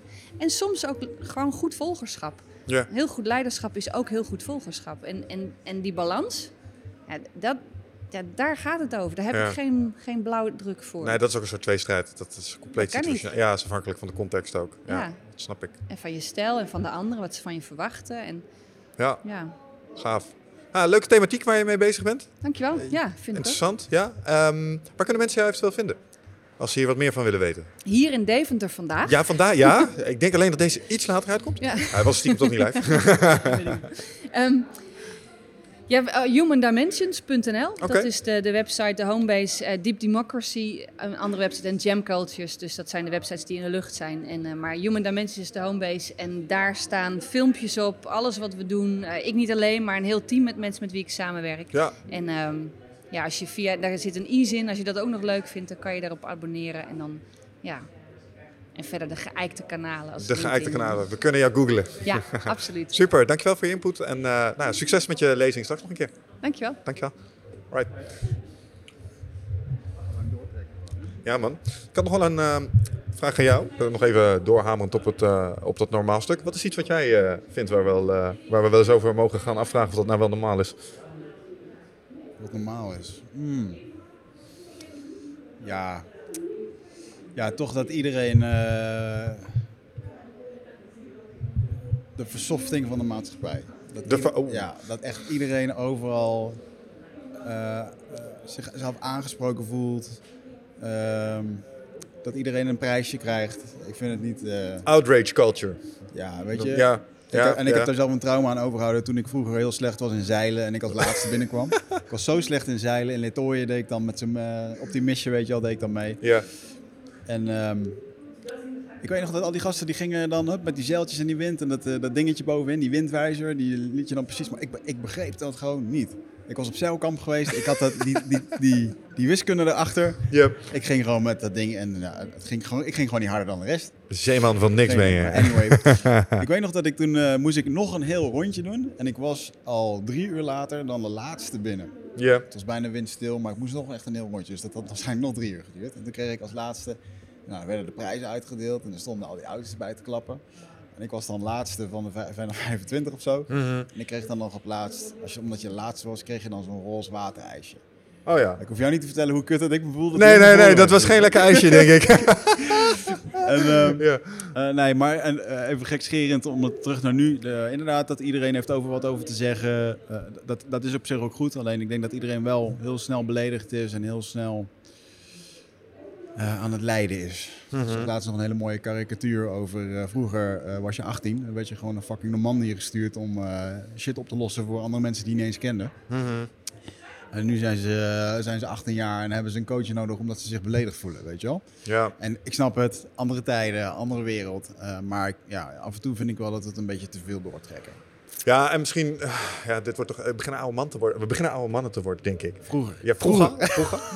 maar weet je wat het ook echt is? En, eh, dat, misschien is dat het ook wel, want je kunt het ze ergens ook niet kwalijk nemen. Ik denk dat als je kijkt naar eh, de groepen die momenteel echt heel veel last hebben van outrage, dat zijn ook de wat, de wat jongere groepen. Snap je? En, en als je een 20-jarige Michel om eh, zijn mening had gevraagd op bepaalde thema's, was iets minder genuanceerd, had hij zijn ego iets meer laten spreken. Ik denk dat naarmate je ouder wordt, dat, dat, ook, eh, eh, dat je daar subtieler in wordt. Aan de andere kant, het grote probleem is nu, ze kunnen het overal kwijt. Het feit dat ik vroeger een boze tiener was, eh, die het Ja. er ergens niet mee eens was, ja, tegen wie ging ik het zeggen dan? Ja, Ja, ja liefdagboek.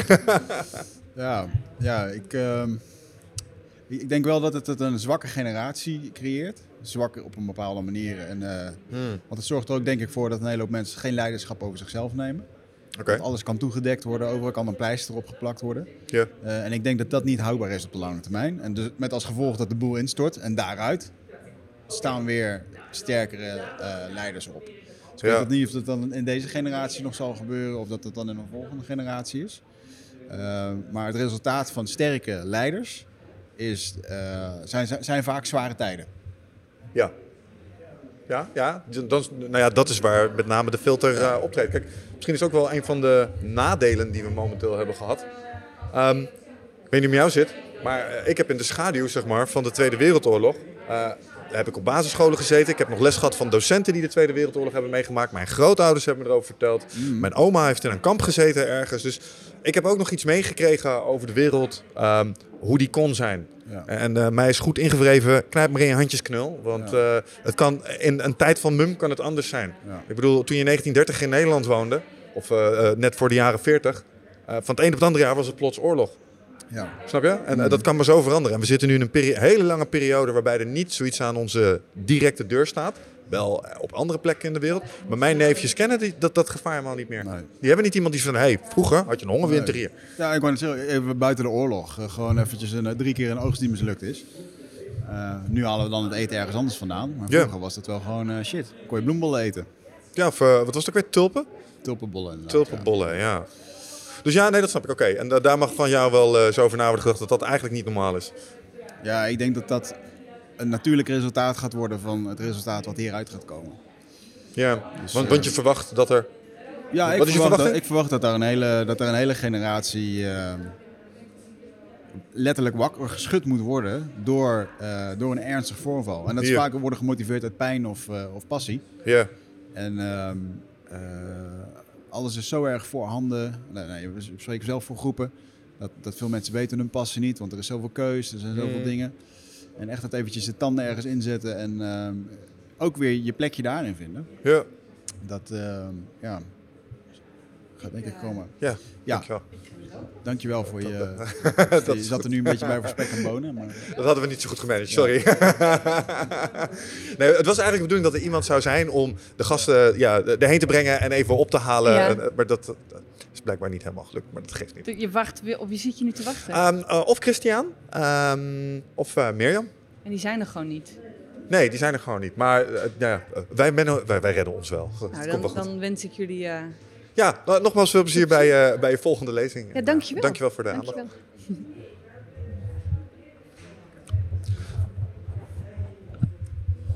Ehm, maar daar had ik nog een vraag over eh, in dat kader. Want je bent nu- natuurlijk eh, eh, papa. Eh, maar maak jij je wel eens zorgen over de directe toekomst in dat opzicht? Dat zij misschien eh, iets meer voor de kiezer krijgt als wij hebben gehad?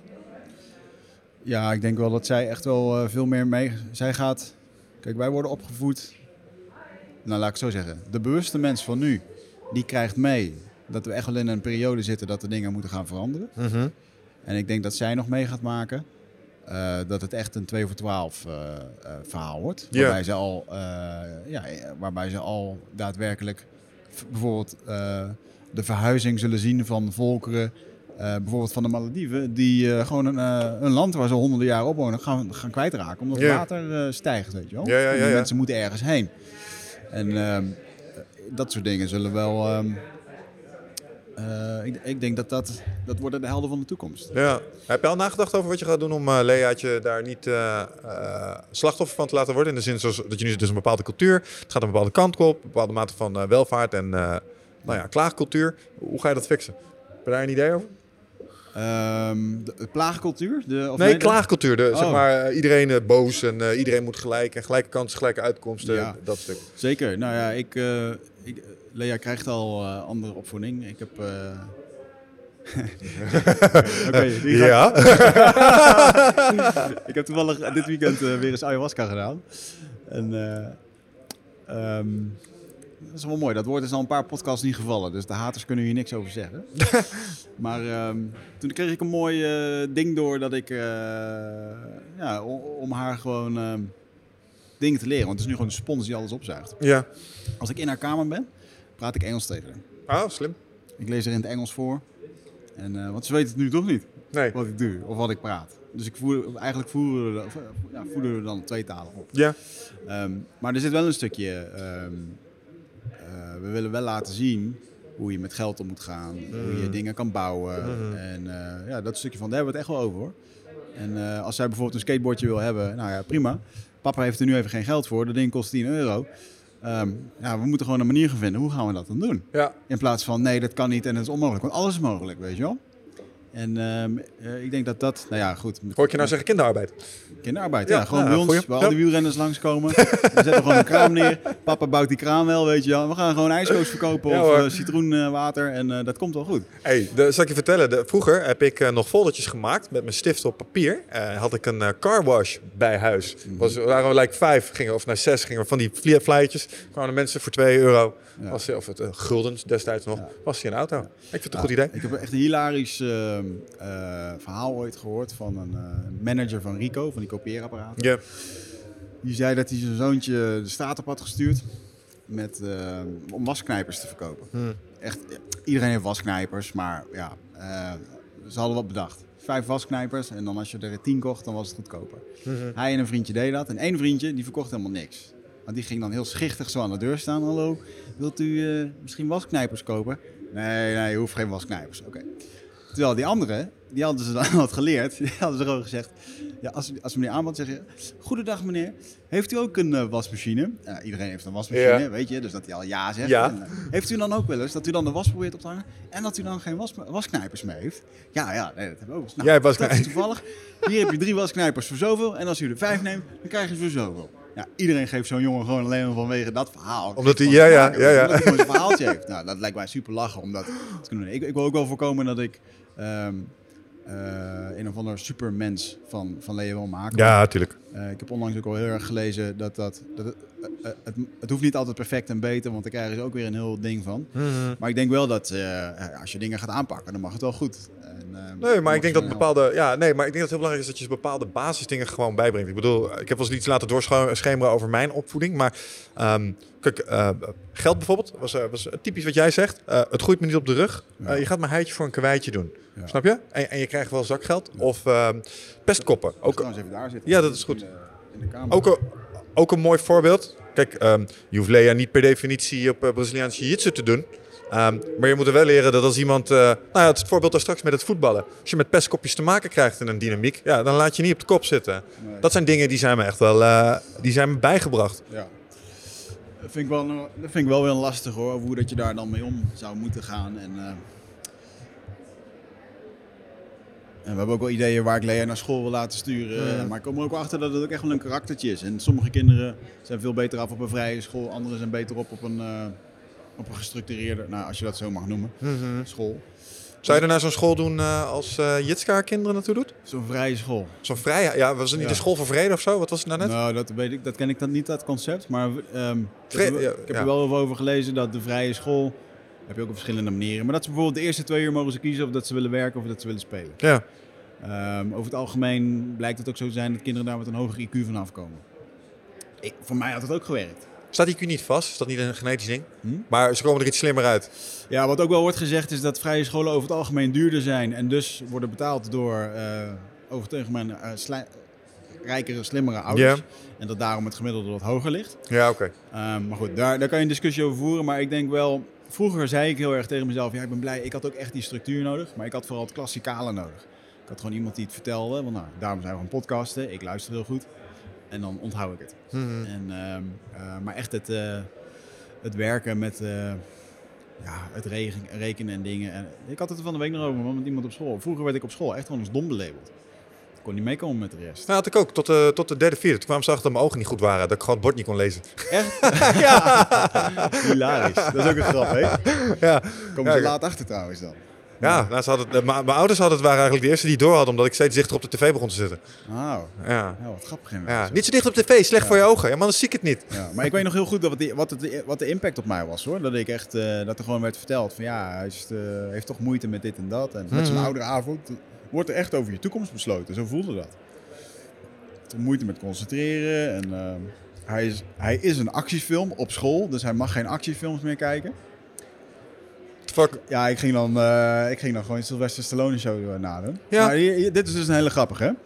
Hè? De laatste tijd ehm, ben ik ook een hoop nieuwe dingen aan het duiken als het gaat om... ehm, eh, wat is nou de intrinsieke motivatie van iemand? Want we hebben het vaak over doelen stellen. Alleen waarom komen een hele hoop van die doelen nu niet van de grond bij mensen? Hmm. Dat komt omdat hun doelen niet overeen liggen met hun waarden. Ja. Mijn waarde, toen ik vroeger klein was, lagen in videogames, Arnold Schwarzenegger en Hollywood. Ja. Dat, was, dat, dat lag zo hoog, daar hoefde je mij niet voor te inspireren. En die eerste vijf waarden, en die waarden die verschillen wel eens in je leven. En nu is het bij mij bijvoorbeeld familie heel erg hoog. Ja, ja. Dus ehm, om nu te gaan zeggen, ja, eh, de doelstelling is om miljonair te worden, dat betekent dat ik een doelstelling zet die eigenlijk niet in lijn ligt met mijn belangrijkste waarde op dit moment. Mhm. En daardoor gaat dat vroeger in, vroeger in mijn hoofd. Dat, Ja. Daar ga ik last van krijgen. Ja. Dus ehm, eh, het zou beter zijn dat je dat dan omtovert. Oké, op de lange termijn zou het fijn om miljonair te worden, want dan kan ik mijn gezin onderhouden. Dan ligt het meer in lijn. Ja. je? En ik weet nog dat ik vroeger dus als dom belabeld werd. En dat ik bij de videotheek, waar ik iedere dag hing om te kijken naar kaften en al die dingen te lezen, vond ik helemaal te gek. Ik was helemaal fan van Arnold Schwarzenegger. Als je genoeg films huurde, dan kreeg je een boekje waarin de top 500 films stond beschreven. Ja. Ehm, dat was zo'n klein handboekje. En dat las ik iedere avond. En er stond dan een stukje film en dan eigenlijk in het kleine waar die over ging met wie dat speelde. En ik weet Ja. nog dat mijn broertje op een gegeven moment, Menno, die zat samen met een vriendje Twan. Ik denk dat ik toen acht jaar was of zo, zaten we Ja. ons thuis. En dat, die, die, die, we zaten op mijn kamer en die pakken dat boekje. En die lezen hardop nou, eh, Robin Hood, nummer 333. En ik kon gewoon uit mijn hoofd oplezen wat daaronder stond. Want ik had dat boek gewoon, ik had het gewoon bestudeerd, onbewust. En dat hun echt, wow, hij kent gewoon dat boek uit zijn hoofd. 500 van die dingen. En dan zeiden ze, de volgende dag op school zeiden ze gewoon tegen mij, ja, hij is dom. Ja, nee. hè? Het Ja. kan wel degelijk dingen. Maar had nou, mijn, had nou mijn wiskunde gekoppeld aan bijvoorbeeld, hey, eh, filmpjes knippen, hoe Mhm. lang duurt een film, eh, weet je? Ja. Als Arnold Schwarzenegger drie bommen gooit en hij, eh, dat soort, dan, was het, dan was het helemaal in mijn lijn geweest. En dan, dan had het me geïnteresseerd. Maar nu stond school bij mij op waarde nummer 10. Ja. En waarde nummer 1 tot en met 5 zou je kunnen beschrijven als... dat is hetgeen wat je inspireert. Daar hoef ik jou niet wakker voor te maken Nee. om dat te doen. Dat doe je wel. Wat daaronder komt, is dan motivatie.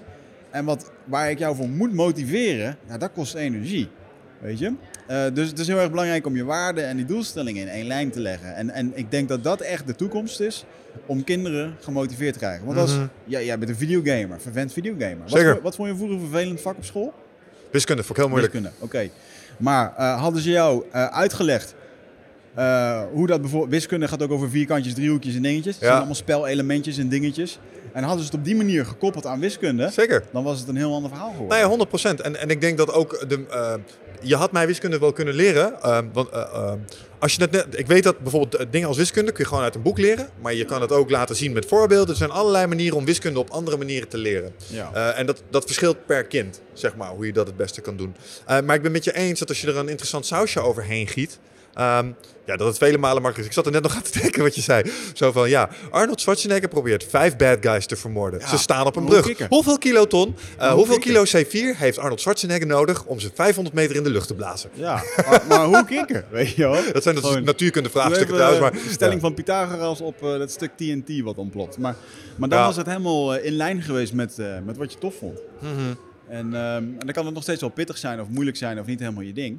Nee, En eh, ik denk echt dat daar eh, voor Lea, eh, nou laat ik het zo zeggen, ehm, ik heb de laatste tijd wat, wat voeging over gehad van ja, shit, ik wil haar zo graag opvoeden al- als in zo'n stam wat ik dan zie, weet je wel. Mhm. En dat doe ik dan nu al door veel thuis te zijn en te veel ayahuasca te geven. ayahuasca te geven. En ehm, dat is niet waar overigens, mensen niet dat iedereen er flippen. Ook Ja, niet schoon, niks schoonfamilie ook niet erover flippen, alsjeblieft. Dat gebeurt niet. Die zouden daar bang voor zijn, denk ik. Maar ehm, ehm, dus hè, het leven van de stam zou ik heel graag mee willen geven. Maar ik besef me ook steeds beter. Ja, ik leef niet in de stam. Mhm. Snap je? Het is niet zo dat oma's en opa's eh, dag, dag en nacht bij ons zijn. Die, die peer group waar eh, mevrouw het net over had. Ja, Dat zou je eigenlijk willen vinden, alleen dan op je eigen treintje met vijf huisjes en dingetjes. Maar dat, dat is er gewoon niet. Dus ik ben wel heel erg ehm, geneigd dat eh, als een kind geen emotionele verbinding met vader of moeder kan vinden, omdat pa altijd op zijn telefoon zit, eh, moeder altijd weg is of wat dan ook, ehm, dan heb je uiteindelijk dus geen verbinding. Ook niet als je samen bent. ja.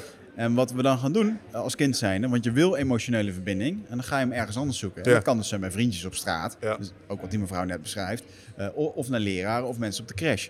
En dan gaan we daar dingen van afkijken en overnemen. En dat, dat vind ik een, de allergevaarlijkste bij ons in de, in de cultuur. Dat je je kind bij een crash afgooit en dat daar wordt gesproken op een bepaalde manier door iemand. Of door, eh, dat is toch eh, ja, die 0 tot 7 jaar is gewoon een, eh, dat wordt toch de blauwdruk van Ja. een kind de wereld in sturen. Ja, nee, mee eens man, mee eens. Ik denk ook echt dat je daar, als je daar de juiste lessen meegeeft, of vanuit ouds of vanuit onderwijs, dat je een blijvende impact kunt maken. En dat, in dat opzicht, eh, het, het ligt dicht aan eh, tegen wat we recentelijk met eh, bijvoorbeeld de Helderreis. Dat is misschien wel even interessant om te vertellen, weet je, dat, Ja. dat ligt hier heel dicht tegenaan. Aha. Ehm, voor de mensen die het niet weten, we hebben een, ik heb 12 Waves, dat is een soort leiderschapsprogramma online. Dat geven we ook al weg aan studenten, Young Guns. En ehm, nou ja, ik wilde dat verder laten groeien. Maar Michel, een onderwijsland, dat levert nog wel eens een kleine cultuurclash op. En toen eh, heb ik eh, mijn team versterkt met David van Balen. En eh, David is een docent, werkt al negen jaar als Engels docent. En wilde graag een volgende stap maken. En die is bezig gegaan om 12 Waves voor kinderen te gaan maken. Dus eigenlijk de lessen vertalen. We hebben samen gekeken naar hoe we dat zouden kunnen gaan terugbrengen. Want wat ik heel graag wilde, is kinderen een paar lessen meegeven in die vormende jaren waar je het over hebt. Nou, we steken het nu in tussen eh 8 en 11, zeg maar, net aan het eind van de basisschool doen we een programma. Maar het is een leiderschapsprogramma voor kids. En wa- wat ik eigenlijk wilde bereiken was, want, want jij kent dat ook nog wel. Jij hebt, een, jij hebt docenten gehad op je basisschool en op je voortgezet onderwijs, die kun je nog steeds herinneren. Zeker, ja. Want die hebben je echt vette shit geleerd. Daar hebben we toen met Casper van de Meulen ook over gehad. Weet je, dat, dat waren de verhalenvertellers. Precies. Eh, maar ik heb ook een keer want, eh, van een docent een les gehad. En dat was een EHBO-les. Op de basisschool. Ik kan nu nog de stabiele zijligging. Bij iemand, als iemand flauw valt, weet ik hoe ik jou in de stabiele zijligging moet leggen. Omdat ik die les ooit heb gehad. En ik was toen vijf. Misschien iets ouder, zes, zeven of zo, weet ik wel. Maar in die leeftijdsfase hebben ze bepaalde kennis hebben ze tussen mijn oren gezet. Maar het was net even anders. Als, en dan hebben we het weer over die vorm, zeg maar. Als we het in de normale wiskundeformat hadden gedaan. Uit een boekje, zitten lezen Ja. was niet goed gekomen. Nee, wat deden we nu? We gingen in de gymzaal zitten. Ja. En we maakten er een spelletje van. Ja. En ik weet nu nog de spelletjes van zoveel mogelijk van je andere klasgenootje in een stabiele zijlegging leggen, zo snel mogelijk. Ja. En daarmee oefende je dat dan. Ja, dat weet ik nu nog. Snap je? cool. Eh, verbandjes aanleggen bij elkaar. Maar allemaal in spelvorm. En ik denk dat als je die lessen waar jij het over had, in die vormen weten te gieten. En dat is wat we met de helderreis in principe hebben gedaan. We hebben tien lessen, waarbij we echt hele belangrijke leiderschapslessen, zoals eh, mensen aansturen, feedback krijgen, eh, als groep problemen oplossen, weerbaar zijn, eh, omgaan met eh, pesten. Ehm dat vind ik een heel mooi voorbeeld. Ehm, ja, vroeger, was, Left hook. Wat zeg je? Ja, left, right hook. Right, ja, right, ja. Nee, nee, nee, maar met, na- met name eh, een stukje mindfulness managen. Ik heb vroeger ook wel eens te maken gehad met bullies of met een moeilijk gesprek met een leraar. Stel je voor, ehm, je bent Wigert Meerman en je hoort docenten over je zeggen dat je niet altijd slim bent. Ja. Dat doet iets met je. Ehm, en ik ben erachter gekomen dat je kinderen kunt leren om te kijken ook naar hoe zij daarmee omgaan. Want ik weet nog dat toen ik eh bullies had, de bully, het bullying op zich was niet zo erg. Dat was 10, 20 minuten. Daar kwam je wel uit. Maar het was het hele proces daarachter. Op de fiets naar huis, waar je op een bepaalde manier zat te denken. En ik weet niet wie dat laatst was bij ons in de podcast. Die zei, oh, ik zou studenten zo graag willen leren dat ze niet hun gedachten zijn. Weet je wel? niet? Dat, je, dat je niet je gedachten bent. Ja. Oh, Weet je dat wel? was ehm, van de NLP, de Ja, exact. Robin. Robin. Ja, dus, dus eh, en dat soort lesjes, zeg maar, dat soort echte kernleiderschapslessen hebben we allemaal in spelvorm gegoten. Ja. En die zijn we nu bij een aantal basisscholen aan het uitrollen. En dat is mooi, want we hebben van de stichting eh, Kinderpostzegels hebben een, eh, hebben een prijs gewonnen om dat verder uit te gaan rollen. Ja, Omdat ik echt geloof dat als je in die leeftijdsfase waar jij het net over had, 0 tot 7, met dat soort lessen bij die kids tussen de oren kunt komen, Ja. daar hebben ze voor het leven iets aan. Zeker man. Dat is de. Ja, ehm, zo, laatst hoorde ik daar een ehm, kindertrauma specialist over, meneer Gabor Maten. Ja, Ook een vervent ayahuasca, eh, psycholoog, therapeut, noem het allemaal op. deed hij niet iets met maar- Google? Gabor Maten staat heel veel op, eh, is heel veel bij de bekende shows waar wij ook naar luisteren. Oké, ja. Maar ehm, hij heeft ook een ehm, boek geschreven over. je zit voornamelijk in de kindertrauma's. Ehm, waarin hij beschrijft. geef je kind vertrouwen en veiligheid van 0 tot 3 jaar. ja. En er is een grote kans dat ze zichzelf heel goed gaat redden in het leven. Dat ze zichzelf? Dat ze zichzelf gaan redden in het Ja, leven. ja, oké. Tussen 0 en 3, dat is het Ja. Eh, verkloten door, eh, nou dat kan door allerlei manieren. Bij mij is mijn pa overleden. Eh, hij zelf is uit veiligheid door zijn eigen moeder weggegeven in de Tweede Wereldoorlog aan iemand anders. Zodat hij, dat, dat hij niet vermoord zou worden als kindje. Joods gezin. Drie maanden later, ja volgens mij wel. Drie maanden later weer herenigd met zijn moeder. En wat kinderen dan hebben, ik heb het laatst zelf ervaren toen ik naar Amerika ging, ben ik eh, tien dagen weg en kom ik Mhm. terug. En dan wil ze eigenlijk niks meer even van je weten. Het is een Echt? soort van, eh, ja, Ah. dus een soort van, hé, hey, eh, je bent weg geweest, wie ben je? En dat, dat, dat verzacht hem wel weer in de dagen daarna. Maar er is een absolute tegenreactie. Je kreeg gewoon even de cold shoulder van Ja, je dochter. Ja, ja. Dus de, de pats. Ja, lusten. Maar dat hoorde ik dus van vrienden dat, dat, dat ze dat wel herkennen. Zelfs ook naar zakenreisjes van drie dagen of wat dan ook. Zo. Maar terwijl het proces, wat ook heel belangrijk hierin is, is dat eh, de vader of moeder weggaat, maar ook weer terugkomt. Ja, En dat vertrouwen, als ze dat een paar keer hebben, dan is het in één keer oké. Maar op het moment dat ze in één keer gewoon in één keer drie maanden uit het niks. hey, want een kind wil verzorgd worden. ja. Eh, heel de modus staat ook op verzorgen. Daarom gaat ze huilen, wil ze aandacht. En als dat dan niet in wordt gevuld, ja, dan heb je een, eh, een damaged good. Zeg maar. En wat verandert er dan na drie jaar dat dat plots wel kan? Dus Ja, dan nou- doet het er minder toe of zo? Nou, de eerste drie jaar zijn het meest cruciale voor dat stukje veiligheid. En, eh, want hè, en die eerste, die blauwdruk die wordt alvast beschreven. En dan heb je natuurlijk ook nog het stukje ehm 3 tot 7. ehm, wat ook nog steeds heel erg kenmerkend en belangrijk is. Maar bij 0 tot 3, dat is toch echt wel... Ja, dat is de basis van hoe dat een kindje rondloopt. Met, met het vertrouwen, met het veiligheid, dat het allemaal oké is. En, eh, ja, ja, daar is een hoop in te doen. Ehm, zijn visie daarop was de- toch de, de emotionele verbinding met het kind. Veel, veel vaders zeggen dus, ja, dan zit, dan zit ik met die kleine, maar ik kan er eigenlijk niet zoveel mee doen. Want die zit maar gewoon te spelen. En dan zegt hij ook, het feit dat ze, dat ze alleen aan het spelen is, bij jou in de buurt, betekent dat je je taak volbracht hebt. Want ze voelt zich veilig en daarom gaat ze dat doen. Ja. Als ze continu aan je zit, continu aandacht wil, dan is er iets mis. Want dan ben je niet aanwezig of dan mis je iets en dan gaat ze het halen. En dan, dan wordt het een irritant kind, bij wijze van spreken. Ja. En dat wordt dan ook gezegd natuurlijk. Wil de hele, wil continu aandacht. Nou, misschien moet je die aandacht dus op een andere manier geven.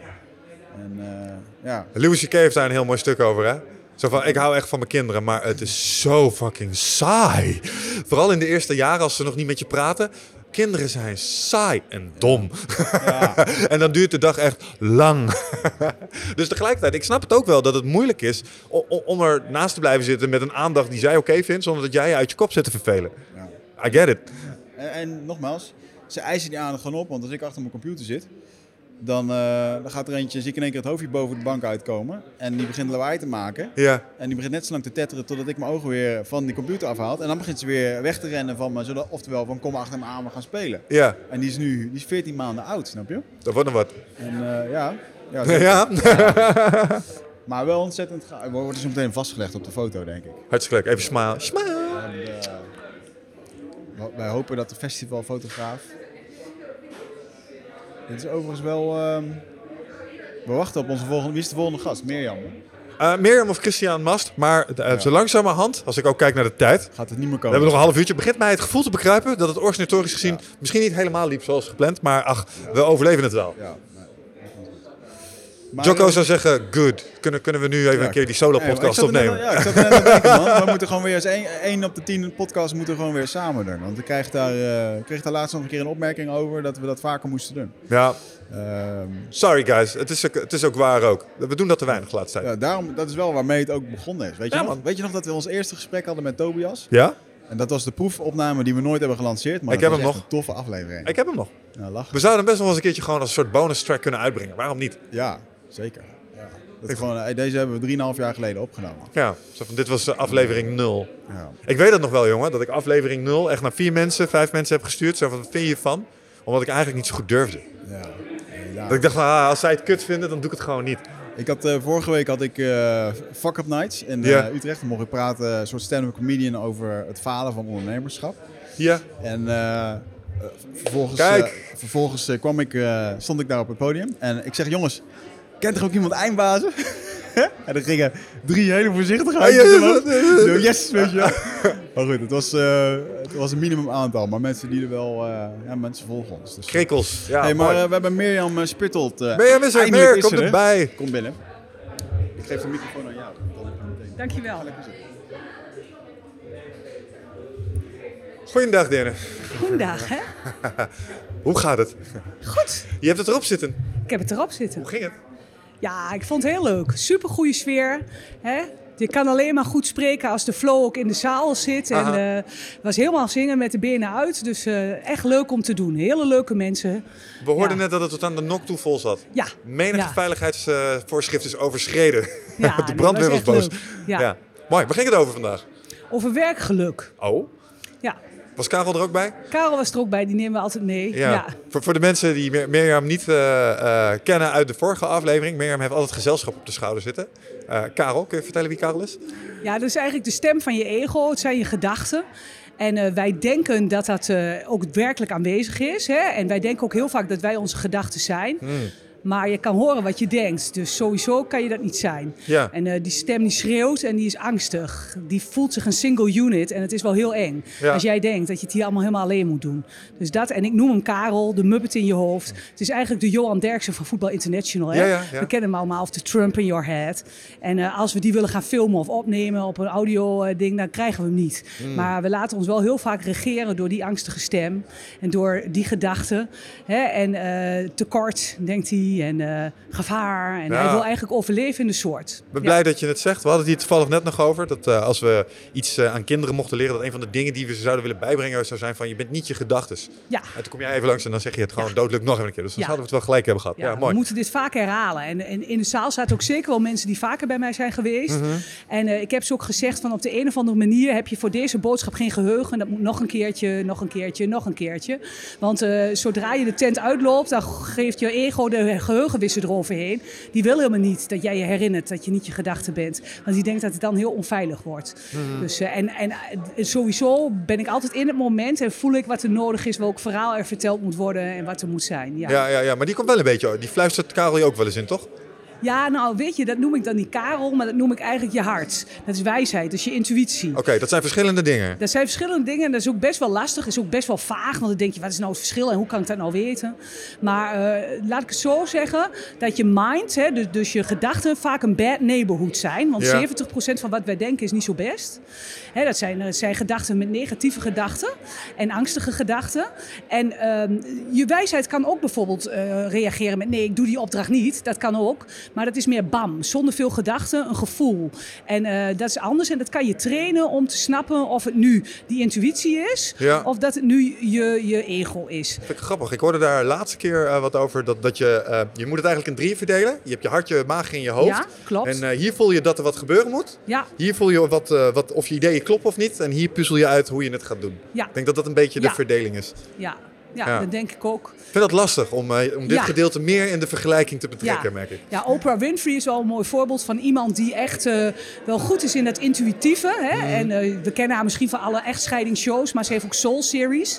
En ehm, en zij legt ook uit, samen met Daniel Pink, dat we een linker en een rechter hersenhelft heb- hebben. En die linker hersenhelft die is van de logica, van de toekomst, van het verleden. Die is eigenlijk nooit in het nu, daar zit mathematiek in. Alles eigenlijk wat we bij de CITO-toets testen. En de rechter hersenhelft is je gevoel, kleur, verbeelding. En de ene mens heeft gewoon de ene hersenhelft van nature meer in shape dan de andere. Ik denk dat ik een kind was dat erg intuïtief was en erg rechter hersenhelft georiënteerd.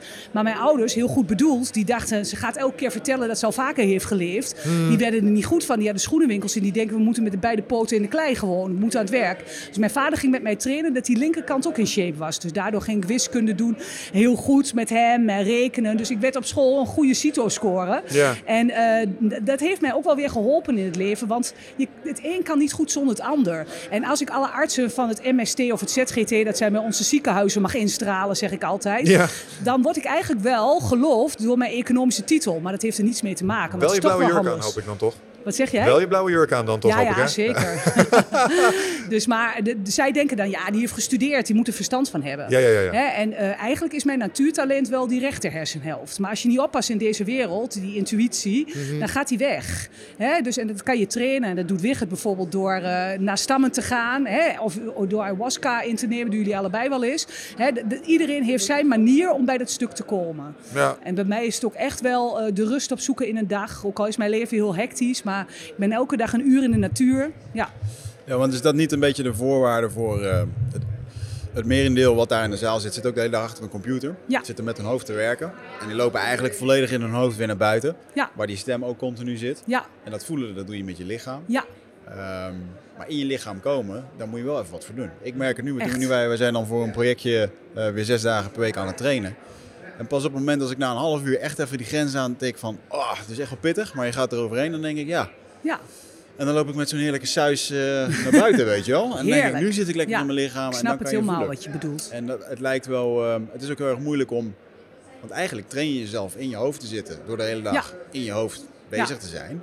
Ja, Ehm, en iets, on, hoe noem je dat? Unlearnen, dat is misschien nog wel moeilijker dan het aanleren natuurlijk. ja. Dat is echt zo. En het valse is van die Karel, want ik weet dat jullie allebei heel erg gek zijn op sport. Maar jullie hebben ook periodes in je leven gekend waar je dacht, daar heb ik nu even geen tijd voor. Ja. Hè? En eh, dan, dan, maar dat, dat vindt hij fantastisch, want dan zit hij achter het stuur. Dan kan je Ja. helemaal niet naar je gevoel. Ja.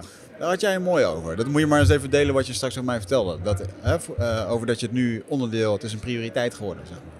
Oh, zo. Ja? Met, eh, met trainen bedoel je? Oh, zo, ja. Ja, nou, het, het, het spanningsveld wat je schetst, dat ken ik. Eh, ik denk dat ik de afgelopen twee jaar niet heb getraind zoals ik in de periode daarvoor had getraind. Ehm, eh, en ik vond het lastig om weer op te starten. En ik deed onderhoud, beetje kickbox, beetje kettlebellen. Maar ik was niet echt aan het... de, ik was de, hoe zeg je dat? De homeostase niet aan het verstoren, zeg maar. ik was binnen de kadertjes aan het trainen. Ehm, en, en wat ik eh, recentelijk in een andere podcast eh, hoorde, eh, bij de Transformation Academy van Jeanette, Ja. was een mevrouw die zei: Wat ik doe, is ik beschouw sporten, trainen, is werk. Dus nu is het spanningsveld. ehm, ik wil graag een masterclass wil ik Ja. ergens inplannen. Ja. En normaal was het dan zo: oh, daar staat een training. Die Die training die ga ik nu skippen, want Ja, dit is centjes. En, en nu is de stelling: nee, dat is ook werk, want dat hoort bij dit Ja. project. Dus deze masterclass gaat nu elders worden ingepland. Ja. En nu krijg ik het allemaal gefixt. Ja. ja. Het gevaar is wel, want jullie zijn natuurlijk ook getalenteerde jongens op het sportgebied, dat je eh, niet met je ego sport. Dus dat het niet gaat om de prestatie of om de winnaar te zijn, maar dat het ook wel gaat om, eh, om ervan te genieten in het nu. Ja. En eh, dat je niet meer de beste hoeft te zijn. Jullie worden iets ouder, dus misschien ben je ook al niet meer de beste. Maar ehm, dat, ik Nou. heb ook heel lang gehad dat ik ging rennen en dat ik elke dag sneller moest, het rondje. En Ja. dan ben ik weer met mijn hoofd aan het rennen. En zag ik niet de ree die voor mij Nee. voorbij kwam. Dan was ik, Ik- alleen maar op weg naar het volgende moment. Ja. Maar die, er zit wel een stukje, bij mij zit er in dit stuk wel echt een stukje erkenning en validatie eh, en prestatie in. Ehm, waar ik echt heel hard op aanga. Zeg maar. Dus ik vind, het, ja, ik vind het wel heel erg, hè, dat stukje erkenning, dat is dan ook wel lastig af en toe. Want eh, de podcast geeft heel veel erkenning. Eh, alles wat we doen geeft heel veel erkenning. En, en dan is het soms best wel vervelend als je die erkenning niet kan halen. Dus dan ga je hem zoeken. Ja. Misschien wel in dit soort projecten. Weet Ja. je nog dat wij, nou, toen wij dit startten, heb ik wel echt over nagedacht. Ja, ik wil echt weer eens even iets doen. Even iets bijzonders. Iets Ja. ludieks, weet je wel. Ja, dat is misschien gaaf. toch onder, onderhuids is dat misschien toch gewoon je ego die gewoon Ja, die, dat eh, denk ik wel. Dat noem ik satisfaction. Ja. Hè, dat is dat de wereld, het zo, zo, dat eigenlijk de meubels in jouw eh, wereld dus zo gearranged zijn zoals jij het eh, ervan houdt. Maar dan is er iets bijvoorbeeld met je kindje, waardoor je echt even niet kan trainen. Hè, en dan kan je daar dan weer helemaal door van slag raken, terwijl het niet levensbedreigend is, want dat is natuurlijk vreselijk. Maar dat het dan niet lukt. Ja. Ja, en dat, dat noem ik satisfaction. Dat is ook de dikke Audi die je rijdt. Dat is even leuk. Ik zeg ook niet dat je het niet moet doen. Perfect. Doe lekker. echt de want beste dat- aankoop dat- die ik ooit ja. En, en ehm, eh, eh, pleasure, dat is ook eigenlijk geluk van je ego. Dat is een dikke borrel erin, even een hijs, eh, weet ik wat, een, een lijntje snuiven, seksen. Dat is allemaal prima. Ik zeg ook niet het is verboden, maar dat is even om dat ego op uit te zetten. Maar er is iets anders en daar heb ik vandaag over gesproken. Want er is een ontzettend groot verschil tussen het zoeken naar geluk... En dat doet je ego, want die is een single unit en die is sowieso heel bang. En Ja. die denkt dat geluk van, binnen naar buiten komt, van, van buiten naar binnen komt. Maar er is ook nog zoiets als following your joy. En volgen van je vreugde, dat bedoel ik gelukkig zijn zonder reden. En dat zie jij bij kleine kindjes die in een zandbak spelen en absoluut geen plan hebben om meester zandbakbouwer te zijn. Maar compleet in het spel opgaan en in het hier en nu zijn. Ja. En als je je, je vreugde kunt volgen op de werkvloer, dan heb je een boel werkplezier. En dat is wat ik doe. Ja. Ik krijg betaald voor spelen. Ja, dat is inderdaad wel heel mooi. Ik hoorde laatst een hele mooie eh, uitspraak van iemand die zei: als je, eh, eh, wat vind je echt belangrijk? En als dat erkenning is, waarschijn- ik weet van mij dat dat belangrijk is, doe dan ook erkentelijke dingen, zodat dat Heel mooi. wordt. Ehm, maar is het, ja, eh, ben je het daarmee eens of niet? Of is Ah, dat een soort het is van... een beetje Gandhi, vind ik. Hè? Be the change you want to see in the world. Ja. Hè, dus als jij vindt dat mensen vriendelijker moeten zijn, wees dan vriendelijk. Ja. Het is vaak iets wat jij zelf mist. Hè? Dus heb ik dit dan verkeerd geïnterpreteerd in de zin van: oké, ik zoek dus erkenning, Ja. dus ik ga dingen doen waardoor ik erkenning krijg. Eh, dat moet dus een, eh, eh, een groot project wat moet Ja. slagen. Of waar, dat, zo interpreteerde ik het dan een beetje. En daar maar dacht maar ik in- heb, heb jij ook door hoe goed jullie podcast is en hoeveel mensen dat daarnaar dus luisteren? Nee. Nee, ik Nee, heb daar... en, eh, en, en wa- wat het probleem een beetje is, jouw ego is altijd nog one piece behind geluk. Ja. Hij zegt van ja, maar dan moet ik nog dit. En als ik dat heb, dan kan ik gelukkig Ja. zijn. Dus eh, dit gaat nooit jou brengen wat je zoekt. En je vreugde, dat is wie je in essentie bent. Dat is op zielsniveau gelukkig zijn. Dat komt en gaat niet, dat is er altijd. Mhm. En daar zijn soms wolken door gedachten. Hè, doordat je daardoor even niet ziet wie je in essentie bent. Maar als je vanuit die joy de wereld kunt binnenlopen, dan is dat pleasure en satisfaction heel mooi. Dan is zo'n eerste prijs heel mooi. Dan is de best beluisterde podcast van Nederland heel mooi. Maar je hebt het niet meer nodig. Ja. Want je, je bent in een andere staat in de wereld. ja. Ja, dat is een goeie. Ik denk, dat is wel een, dat is een interessante gewetensvraag. Stel, dit eh, stopt van vandaag op morgen. Ben ben je dan nog steeds wie je denkt dat je bent? Of is je identiteit inmiddels ver- verbonden aan wat we doen? Nou, ik heb, ik heb dit dus... eh, in de jungle heb ik dit zo ervaren. Dat ik... Ja. Dat, ik eh, dat is een van mijn grootste struikelblokken en ook de les geweest. Ik heb daar echt de meest pure zelfacceptatie mogen voelen. Want dit exact wat we nu bespreken, viel daar echt als een dekentje van me af. En toen dacht ik van ja, als morgen de, de boel omvalt, dan is dit wie ik ben. En dat gevoel, toen ik de jungle uitliep, toen dacht ik, nou dat heb ik nu. Dat komt goed. En gaandeweg ging dat gevoel, slipte weg. En dat is, dat is voor mijn zoon, dus, nou, daar ben ik bijna een halve depressie heb ik daaraan overgehouden. Dat snap ik echt. In de zin van, eh, fuck, ik had, ik had het. Waarom heb ik het nu niet meer? Ja, En ehm, dat, het stukje erkenning voor wat er al is, ja, dat vind ik echt heel moeilijk. En dat is wel Ja. een van mijn struggles. nou. En, en daar kan je wel de psycholoog uithangen. Dan kan je denken, dat komt uit je jeugd. Het is eh, je vader die je niet zag. Of zo, hè? Dus we kunnen daar allemaal wel op, eh, op intellectueel niveau kunnen we dat beredeneren. En dan denk ik, de volgende stap is, eh, vraag om hulp. Om het hier toch anders te kunnen zien. En dat bedoel ik niet een god of zo. Dat zit in jezelf. Maar het moet op zielsniveau geheeld. Dat Ja, want stuk. dat, dat zou mijn vraag dan zijn aan jou, zeg maar, als expert in dit stuk. Ehm, vanaf morgen pak ik jou dit hele sprekerschap af. Ja. What's gonna happen? Wat ga jij nu doen? Dan ga ik mensen helpen, erg hè? Ja. Dus wat, wat is het? Ik ben Enneagram type 3 en dat betekent dat ik een presteerder ben. Dat is een, echt een persoonlijkheidstest die ongelooflijk kloppend is. Dat is de verschijningsvorm die mijn ego hier in de wereld aanneemt. Dus als ik op een camping ben of zo op vakantie met mijn kinderen, nou, dan weet niemand dat ik spreek natuurlijk. Hè? En dan ben ik de moeder van twee pubers. Nou, en, en, de, en de vrouw van Bart, die vindt me nog wel leuk. Maar die twee pubers die denken echt, mama doe even normaal. En wat is er met jou bovenbinnen aan de hand zeg? Hè? Dus die zijn echt niet blij met mij. Maar die houden wel van me. Maar dat is natuurlijk raar, moeder hebben die ook nog eh, aan iedereen, eh, met iedereen een praatje maakt. Nou, en wat ik dan heel vaak merk, dat ik bijna het podium wil pakken op zo'n lelijke camping. Omdat ik daar mijn identiteit hè, aangekoppeld heb. Net zoals jullie aan de podcast en al, al jullie trainingen die je geeft. En alle coaching sessies voor de bedrijven. En dan zie ik dat ik op zo'n camping dan mensen ga aantrekken die helemaal hè, in de lappenmand zitten. En Ja, die gaat ja, helpen. ja, ja, Want mijn andere persoonlijkheidstype is, ik ben een drie met vleugel twee en twee is een helper. Dus dan ga ik helpen. Ja, Dus ik, ik ben hetzelfde als jullie. Ja. En ik kan er wel heel lekker over lullen, maar het altijd doen is niet zo makkelijk. Is denk ik eerder, want je vroeg net van wat ga je dan doen als het allemaal omvalt. En dan ben ik er wel even ziek van. Maar ik zou nog steeds hetzelfde gaan doen. Ja. Het is niet dat we in één keer dan compleet andere weg gaan. eh, podcast ook. ja. Ja. Nog groot, die nog groter, nog beter. Ja. Dan kan ik eindelijk echt een goede podcast en een Ja. goede interview. Dus, eh, ja, want, daar- we- daar hebben het dan ook over van wanneer kom je nou op zielsniveau of zo, wanneer is die uil. Wat voor mij ook heel erg helpt, is ook per dag goed soul food tot je nemen. En daarmee bedoel ik niet letterlijk eten. Dat is ook belangrijk dat je goede voeding tot je neemt. Maar daarmee bedoel ik ook naar jullie podcast bijvoorbeeld luisteren. Dat maakt dat ik kan kijken naar help mijn man eens klussen en mijn leven aan puin. Maar dat is voeding voor je ego. Ja. Die houdt van vergelijken. Die houdt van, ah, dan zie ik dat mensen een enorme puin op hebben. Dan denk ik, maar ik kan nog wel door Ja. de voordeur naar binnen. Ik moet ook de schuur opruimen, weet je zo. En eh, als je naar jullie spul eh, luistert, heel veel van die podcasts raken mij in de ziel.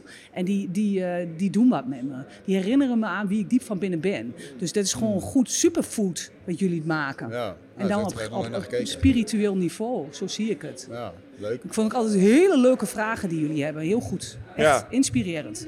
Ja, grappig. Eh, Ik merk dat als ik zelf podcast consumeer, en dat is dan, eh, ik ben blij om te horen dat dit met, eh, Ja. met, met, met een van onze luisteraars doet. Wat ik zelf nog wel eens heb, is als ik naar podcast luister, is dat, bij, wij, wij hebben natuurlijk eindbaas in de studio. Dan krijg ik toch dan krijg ik een beetje omgekeerde vergelijkingsstress. Vindt mijn Oh ja, ego ook wel eens iets van, zo van, Nou, motherfucker, jij, jij, hebt, jij hebt allemaal al wat ik al, oh jeetje. En jij hebt zoveel werk, dat kan ik nooit, weet je wel. Dan zit je naar zo'n Goggins te luisteren, wat die allemaal, Ja, ja. denk, oké, ik ben echt een mietje. ja. En, en dat is ook weer ehm, eh, eh, dat je de favoriete gedachte van je ego is: ik ben niet goed genoeg. Net ook hè, bij die tent, daar kunnen dan een aantal mensen in. Toen dacht ik, wow, als het maar een beetje gevuld is, want dan ga je wel af, joh. En toen zat het al helemaal vol toen ik aankwam rijden. En eh, toen dacht ik nog aan jou, want je zegt altijd: je kan als je naar Deventer gaat dat niet in een half uur doen, dan moet je een vliegtuig pakken. Het was ook file, ik had het eigenlijk niet goed gepland, maar dat doe ik altijd. Maar ik was op tijd hoor. En het zat al helemaal vol. En toen hingen ze er met de benen uit. En toen ging ik denken, wie zat er dan eigenlijk parallel aan mij geprogrammeerd? Het zou wel heel slecht zijn geweest. Dat benoem ik dan ook. Dat heet fraud guilt. Hè, eh, eh, bang zijn dat er op een dag a- achtergekomen wordt dat je schuldig bent aan frauderen. Hmm, dat je zomaar wat aan het lullen bent. imposter ja, syndrome heet het ook wel, ja. Ja. Ja. Ja. Heb je wel eens gefraudeerd? Gefraudeerd? In welke zin? Michel is wel een Nou, eerlijke net zoals dat ik het zeg. Heb je wel eens gefraudeerd? Heb ik wel eens gefraudeerd? Ehm, ja, ik denk het wel. Creatief boekhouden doen toch allemaal, of niet? Oh, in die zin, ik heb wel eens een kilometerrit gedeclareerd eh, die misschien eh, eh, privé was, zeg maar. Ja, Ja, ja, ja. zeker wel. ik heb ook wel eens een keer, ehm, ik weet niet, kunnen ze me met terugwerkende kracht mijn papiertje afpakken? Ik heb een keer een, een medestudent heb ik, gematst door alle antwoorden zeg maar, van de test waarvan ik wist, deze heb ik geëist. Die heb ik hem bij het uit de klas lopen, heb ik hem onder zijn neus gedouwd. Dat was ook niet helemaal rechtmatig.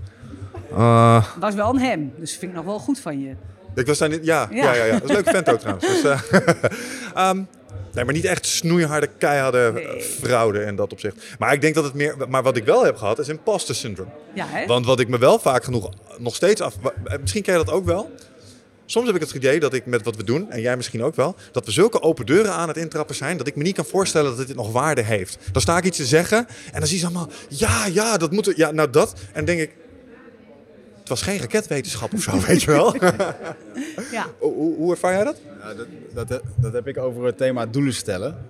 Om de twee weken geef ik les op de bewustzijnsschool. En dan, ja, dan denk ik, vanavond gaan we het er hier eens over hebben. Heldere communicatie of zo, weet je wel. Een nieuw onderwerp. En dan, zit ik, en hoor, dan vraag ik altijd, waarom zit je hier? Wat is op dit moment je grootste uitdaging? En dan moet ik nog net niet met mijn ogen zo omhoog gaan van...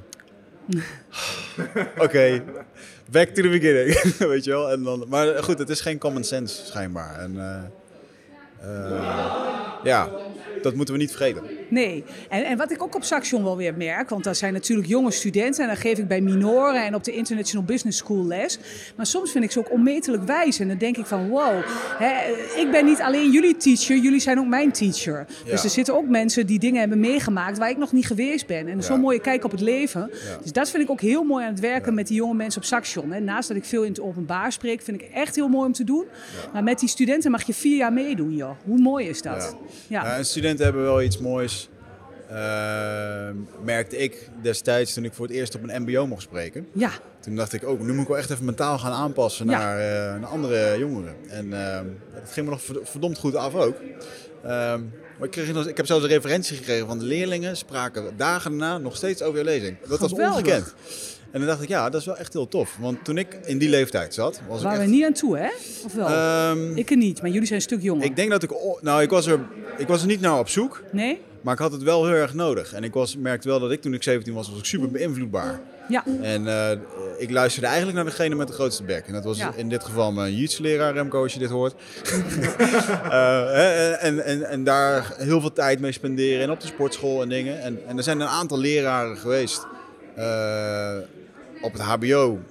Ja, die waren zo eigenlijk niet echt een, een persoonlijkheid. Ja, daar, die gaf ik eigenlijk allemaal geen respect daarvoor, weet je wel. Nee.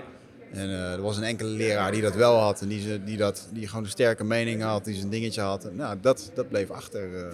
Ja, ik denk ook dat het heel belangrijk is dat een leraar jou echt ziet. Dus ook als jij vervelend bent of heel vaak niet bent, neemt hij de moeite om even echt met jou in contact te gaan. En zeggen, wat is er eigenlijk? Wat Ja. heb je nodig van me? Ja. Hè, dat vind ik heel mooi, die verbinding maken met studenten en echt van ze houden. En niet denken, ik ben jullie al zoveel stappen voor.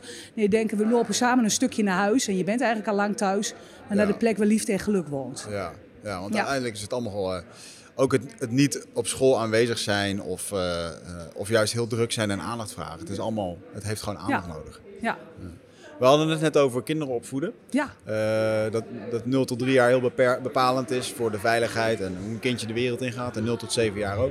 Wat is jouw eh, visie op het, eh, op het opvoeden en, en, en het bewerken van die blauwdruk als, als ouder of leraar Ja, zijn? ja, ik denk echt hè, dat we van ons nulde tot ons zesde een soort van die kleine iPods zijn. En wij nemen dan alles op wat onze ouders wel of niet zeggen. Hè, en, en ook als ze het niet hardop zeggen, maar je moeder is bijvoorbeeld bang voor onweer.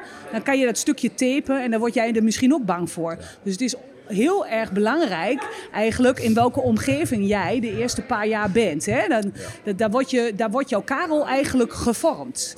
En eh, ik denk niet dat het zo is. Hè? Ze zeggen 50% van je geluksgevoel is afhankelijk van je genen. Ik denk dat het wel wat minder is, want ik vind altijd de grootste mannen waar ik, en vrouwen, maar in dit geval spreek ik over mannen, waar ik door opgeleid ben, Robert Holden, Eckhart Tolle. Dat zijn mensen die hebben een jeugd gehad, daar lusten de honden geen brood van. Dus vaak alcoholisme, eh, vaak ehm, ehm, eh, misschien seksueel misbruik. Louise Hay heeft bijvoorbeeld seksueel misbruik gehad, ben ik ook door opgeleid. En die mensen die hebben altijd weer een keus om te zien dat zij niet hun verhaal zijn en dat die tape is over te spoelen. Maar het is wel zo, hè, en als jij in een heel nachtmerrie leeft, wil je wel graag wakker worden. Hè? Die mensen Ja. zijn dan vaak wel op zoek naar een andere tape. Is dat zo? Eh, eh, want ik denk, ja. Als ik even terug. Want eh, je had het over alcoholisme. Als ik terugkijk naar mijn jeugd. Mijn moeder is ook alcoholist geweest. Ik durf ook te beweren dat dat mij een eh, hoger als gemiddeld geluksbesef geeft. Maar dat zit hem met name, als ik het even op mezelf verhaal. eh, in het relativerend vermogen. Zo van, hey, shit could be way worse. En Ja. zelfs toen wij in het diepste van het diepste zaten met mijn moeder. en dan heb je het echt over hele schrijnende situaties. ehm, bijna dat je moeder niet meer herkent als mens. Zelfs in dat soort gevallen kon mijn vader nog, nog een extra laag aan relativering meegeven. Want die is politieagent geweest. Hij zegt, ja, ik weet dit is erg. Maar het is geen heroïnehoer. Weet je wel? Ja. Zo van, Ja, Holy fucking shit. Dus als je dat hebt gezien, Ja. weet je wel, dat is dat op dat moment je dieptepunt. En dan staat je vader naast je, het kan dieper gast, Ja. weet je wel. Dus als ik nu in de problemen ben, dan kan ik terugkijken naar dat dieptepunt en dan kan ik denken, shit ain't so bad. Ja. En da- Ja. daar komt die persoon misschien, mij uit. Misschien kan dat hoor, dat het zo zit. Ehm, eh, eh, ik denk dus wel dat het belangrijk is eh, hoe de blauwprint van je nulde tot je zesde is. Maar ik denk ook dat je als ouders niet kunt voorkomen. Ik heb niet de illusie dat mijn jongens helemaal niets hebben opgelopen. Ik heb ook mijn issues. En ik ben in dit level van Mario, zeg ik altijd, omdat ik ook nog niet verlicht ben. ben. Anders was ik wel een ander level geweest. Dus je geeft ze altijd dingen mee. Ook je eigen trauma's die misschien niet helemaal verwerkt zijn. Maar ehm, eh, het, het mooie is wel dat, ehm, eh, dat ik denk dat je als je volwassen wordt meer en meer gaat zien dat je niet je verhaal bent en ook niet je gedachten. En dan kan je altijd op het zielsstuk intunen. En je ziet hier Mitchell zitten. Nou, ik vind hem redelijk gelukkig ogend. Dankjewel. Dus eh, volgens mij is het zo dat ondanks jouw jeugd en jouw fijne vader en ook jouw moeder die het beste met je voor Oh ja, en anders Ja, kon. Maar dat je toch eh, een, gelukkig mens bent. En je hebt ook wel eens een dag dat je het even niet zo voelt. Maar eh, dat komt volgens mij ehm, doordat je ziel kan nooit ge- gekwetst of beschadigd worden. Die blijft altijd heel. Hmm. Een kras op je ziel of the worst night of the, of the ego of the soul. Nee, dat is the worst night of the ego. Ja. En de ego is, is niet echt.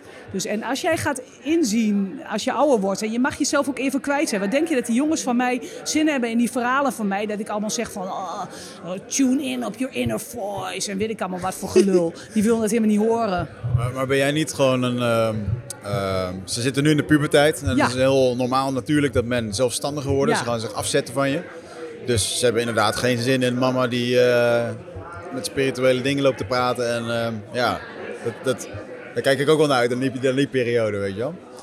Ja. Ja, nou, de- niet, niet dat, maar dat ga- gaat gebeuren op haar eigen manier. Ja. En, ehm, Nee, maar weet je, ondertussen, het mooiste compliment wat ik kon krijgen... Pepijn gaat best wel vaak mee als ik spreek op grote congressen. Dat is mijn oudste zoon. Dan zit hij ook in de zaal, want anders heeft hij niks te doen. Dus hij krijgt wel wat mee van de verhalen. En hij verkoopt de boeken. Want we hebben een deal dat eh, de opbrengst van de boeken voor de kinderen is. Dus hij is voor dat geld mee, hè? Ah, bizar, wat En goed. lachen, hè? En ehm, dan, ehm, eh, eh, nou laatst, ging hij even 's ochtends bij mij in bed. En toen zei hij tegen mij van... Mama, je hebt ooit beloofd in de brugklas... Hij zit nou in 5V, VWO, dus hij gaat naar 6... dat jij nog wel eens een keer wat voor onze school zou willen doen... en we zou willen spreken over geluk. Geldt dat nog? Hij zegt, want volgens mij hebben we dat de VWO 6 heel hard nodig. En ik denk dat al mijn vrienden en vriendinnen het mega cool vinden als jij er staat. Ja. Dus ondertussen is hij waanzinnig trots op mij. Ja. Hè, maar aan de andere kant, als ik daar zeg, nou, ik heb me toch een teken gehad, dit was niet meer normaal, want ik wilde Brand New Day van Sting op mijn nieuwe telefoon zetten om in een goede stemming te komen. En ik kreeg het er maar niet op, want het snoertje paste niet. En ik doe de radio aan en Brand New Day is erop. Vergezocht. Hè, dus eh, hij vindt die sy- synchroniciteit, Ja. dan wordt hij een beetje, Ja. gaat hij nog niet aan. Nog maar wel. ondertussen wil hij mij wel voor die groep hebben, voor VWO 6. Ja. Wel nog een hele goeie, want ik hoorde onlangs iemand die eh, zijn kind 20 euro gaf per gelezen persoonlijk leiderschapsboek. Hey, Dus die had op zijn, eh, op zijn negende had hij al heel veel boeken. En nou, prima motivatie, weet je Ja. wel, als geld de motivatie is. Ja, nou, ja, nee, nou, ja, geld en motivatie. Ik, ik wou net voor Ja. de grap eh, zeggen, die, die coaches van jou die willen gewoon eh, zoveel mogelijk boeken verkopen, Ja, ook op die school. Ja. Ja. dat is het enige. Verder veel ze helemaal niet dat ik veel zeg. Doe maar 10 minuten, mama. Hey, ehm, en als je nou kijkt naar op het podium staan hè, en eh, je zegt, nou ja, je, je hebt ook zo je issues. Maar jij gelooft denk ik, geloof jij dat je ehm, zelf predikt wat je het meest nodig hebt? Zeg ze wel eens, hè? mensen geven les in wat ze zelf het meeste nodig hebben. Ja, je beroep is je pijn, zeg ik ook altijd. Ja. Dus, dus als dat waar is, wat is dan hetgeen zeg maar, wat je probeert te fixen? Ehm, nou, ik ben wel iemand van de ups en de downs. Dus eh, ik, ik, ik, kan aardig in een emotionele achtbaan zitten. Wat ik wel heb gemerkt door 15 jaar hier echt intensief mee bezig te zijn, dat ik minder lang in die achtbaan, in die loopings blijf. En dat ik eerder uitzoom. En ik, natuurlijk ben ik soms verdrietig, ben ik angstig. Ik zeg altijd, emoties zijn net als vis vers het lekkers. Dat omarm ik ook wel. Maar ik heb, ben, blijf niet zo lang geïdentificeerd met het verhaal. En eh, zeg van, eh, eh, ook tegen mezelf van, het mag er even zijn. En misschien heeft het een boodschap voor je, maar het gaat ook wel weer weg. Het hoeft niet gelijk weg. En dan zie je dat het echt minder hardnekkig is. Dus ehm, eh, het helpt echt bij mij. Om, de- om, om de emotionele Ja. achtbaan een beetje te nivelleren, zeg Nou, maar. niet alleen nivelleren, want ik ben nog wel iemand die lekker in de loopings gaat zitten. Ja, ja, ja. Dat vind ik gewoon lekker. Handjes in de vind lucht. ik eigenlijk ook wel eh, spannend. Maar ik, eh, ik heb dan door dat dat niet is wie ik in essentie ben. En dat er een plek is waar ik altijd in het oog van de orkaan gaan, kan gaan staan. Ja, ja, ja. Uh, Mag ik daar eens op wat op invragen in de zin van, als je nou in die looping komt, hè? ik kom ook vaak in die looping, ik merk dat ik vaak in loopings blijf hangen, die ik al eerder ben tegengekomen. Ja. En dan lijkt het toch ergens, inzicht van de afgelopen weken, soms denk ik wel eens dat ik ergens een verslaving heb aan die stress. Aan die, eh, eh, omdat dat heel erg ja, normaal was, Ja. is geweest, of dat ik daar dan mijn aandacht door kreeg. Of, ehm, her- herkenbaar? Heel herkenbaar. Ja, lekker ook man. een- ook een heb je het gevoel dat je leeft, hè? Ja, ja. Maar ik wil er wel vanaf, heb ik nu besloten. Ja, nee, nee. Op mij komt het altijd heel erg... Oh, het is grappig om te zien dat- je zegt dat dat verslavend is. Voor, voor mij komt het altijd over als een soort van eh zelfkastijding. Zo van, oh, ze zitten er zo in te zwelgen. Ik ben zelf heel goed in niet in die loopings Ja, blijven hangen. snap ik. En als ik mensen dan ondersteboven in zo'n looping zie hangen, zo van... En dan heb ik altijd het gevoel, maar je kan er zo uit hoor, weet je wel. En, maar waarom doe je jezelf dat dan aan? Is dat echt, Ja, maar waar, waar ben je dan aan Michel, verslaafd? Michel, jij zoekt andere loopings. Ja. Oh ja, natuurlijk. Ja. Maar dat Ehm, specifieke, dat, dat, zeg maar dat plezier van ongemak, dat stukje, met name, met name de mentale ongemak. Want, je doet het jezelf heel erg aan. Ja. En als je gebouwd bent zoals ik, kun je dat best wel goed zien bij mensen. En Ja, denk ja, je, ja. waarom doe je dit? Wat doe je dit? Ja, hè? en Wat- dat, dat wat- snap ik niet. En dat is de vraag aan Ja, maar, van, maar ik snap Wigert ook, hè, dat, je, dat je dan soms denkt van dit voelt bijna vertrouwd. Ik weet nog dat mijn man gescheiden was en dat hij eh, niet een fijne relatie had, anders ga je niet scheiden. En dat hij in het begin toen hij alleen woonde echt dat onheimische gevoel miste. Het gevoel van eh, op je tenen moeten lopen, je niet veilig voelen, het niet fijn hebben. Dus dat wordt dan ook iets wat vertrouwd is bijna.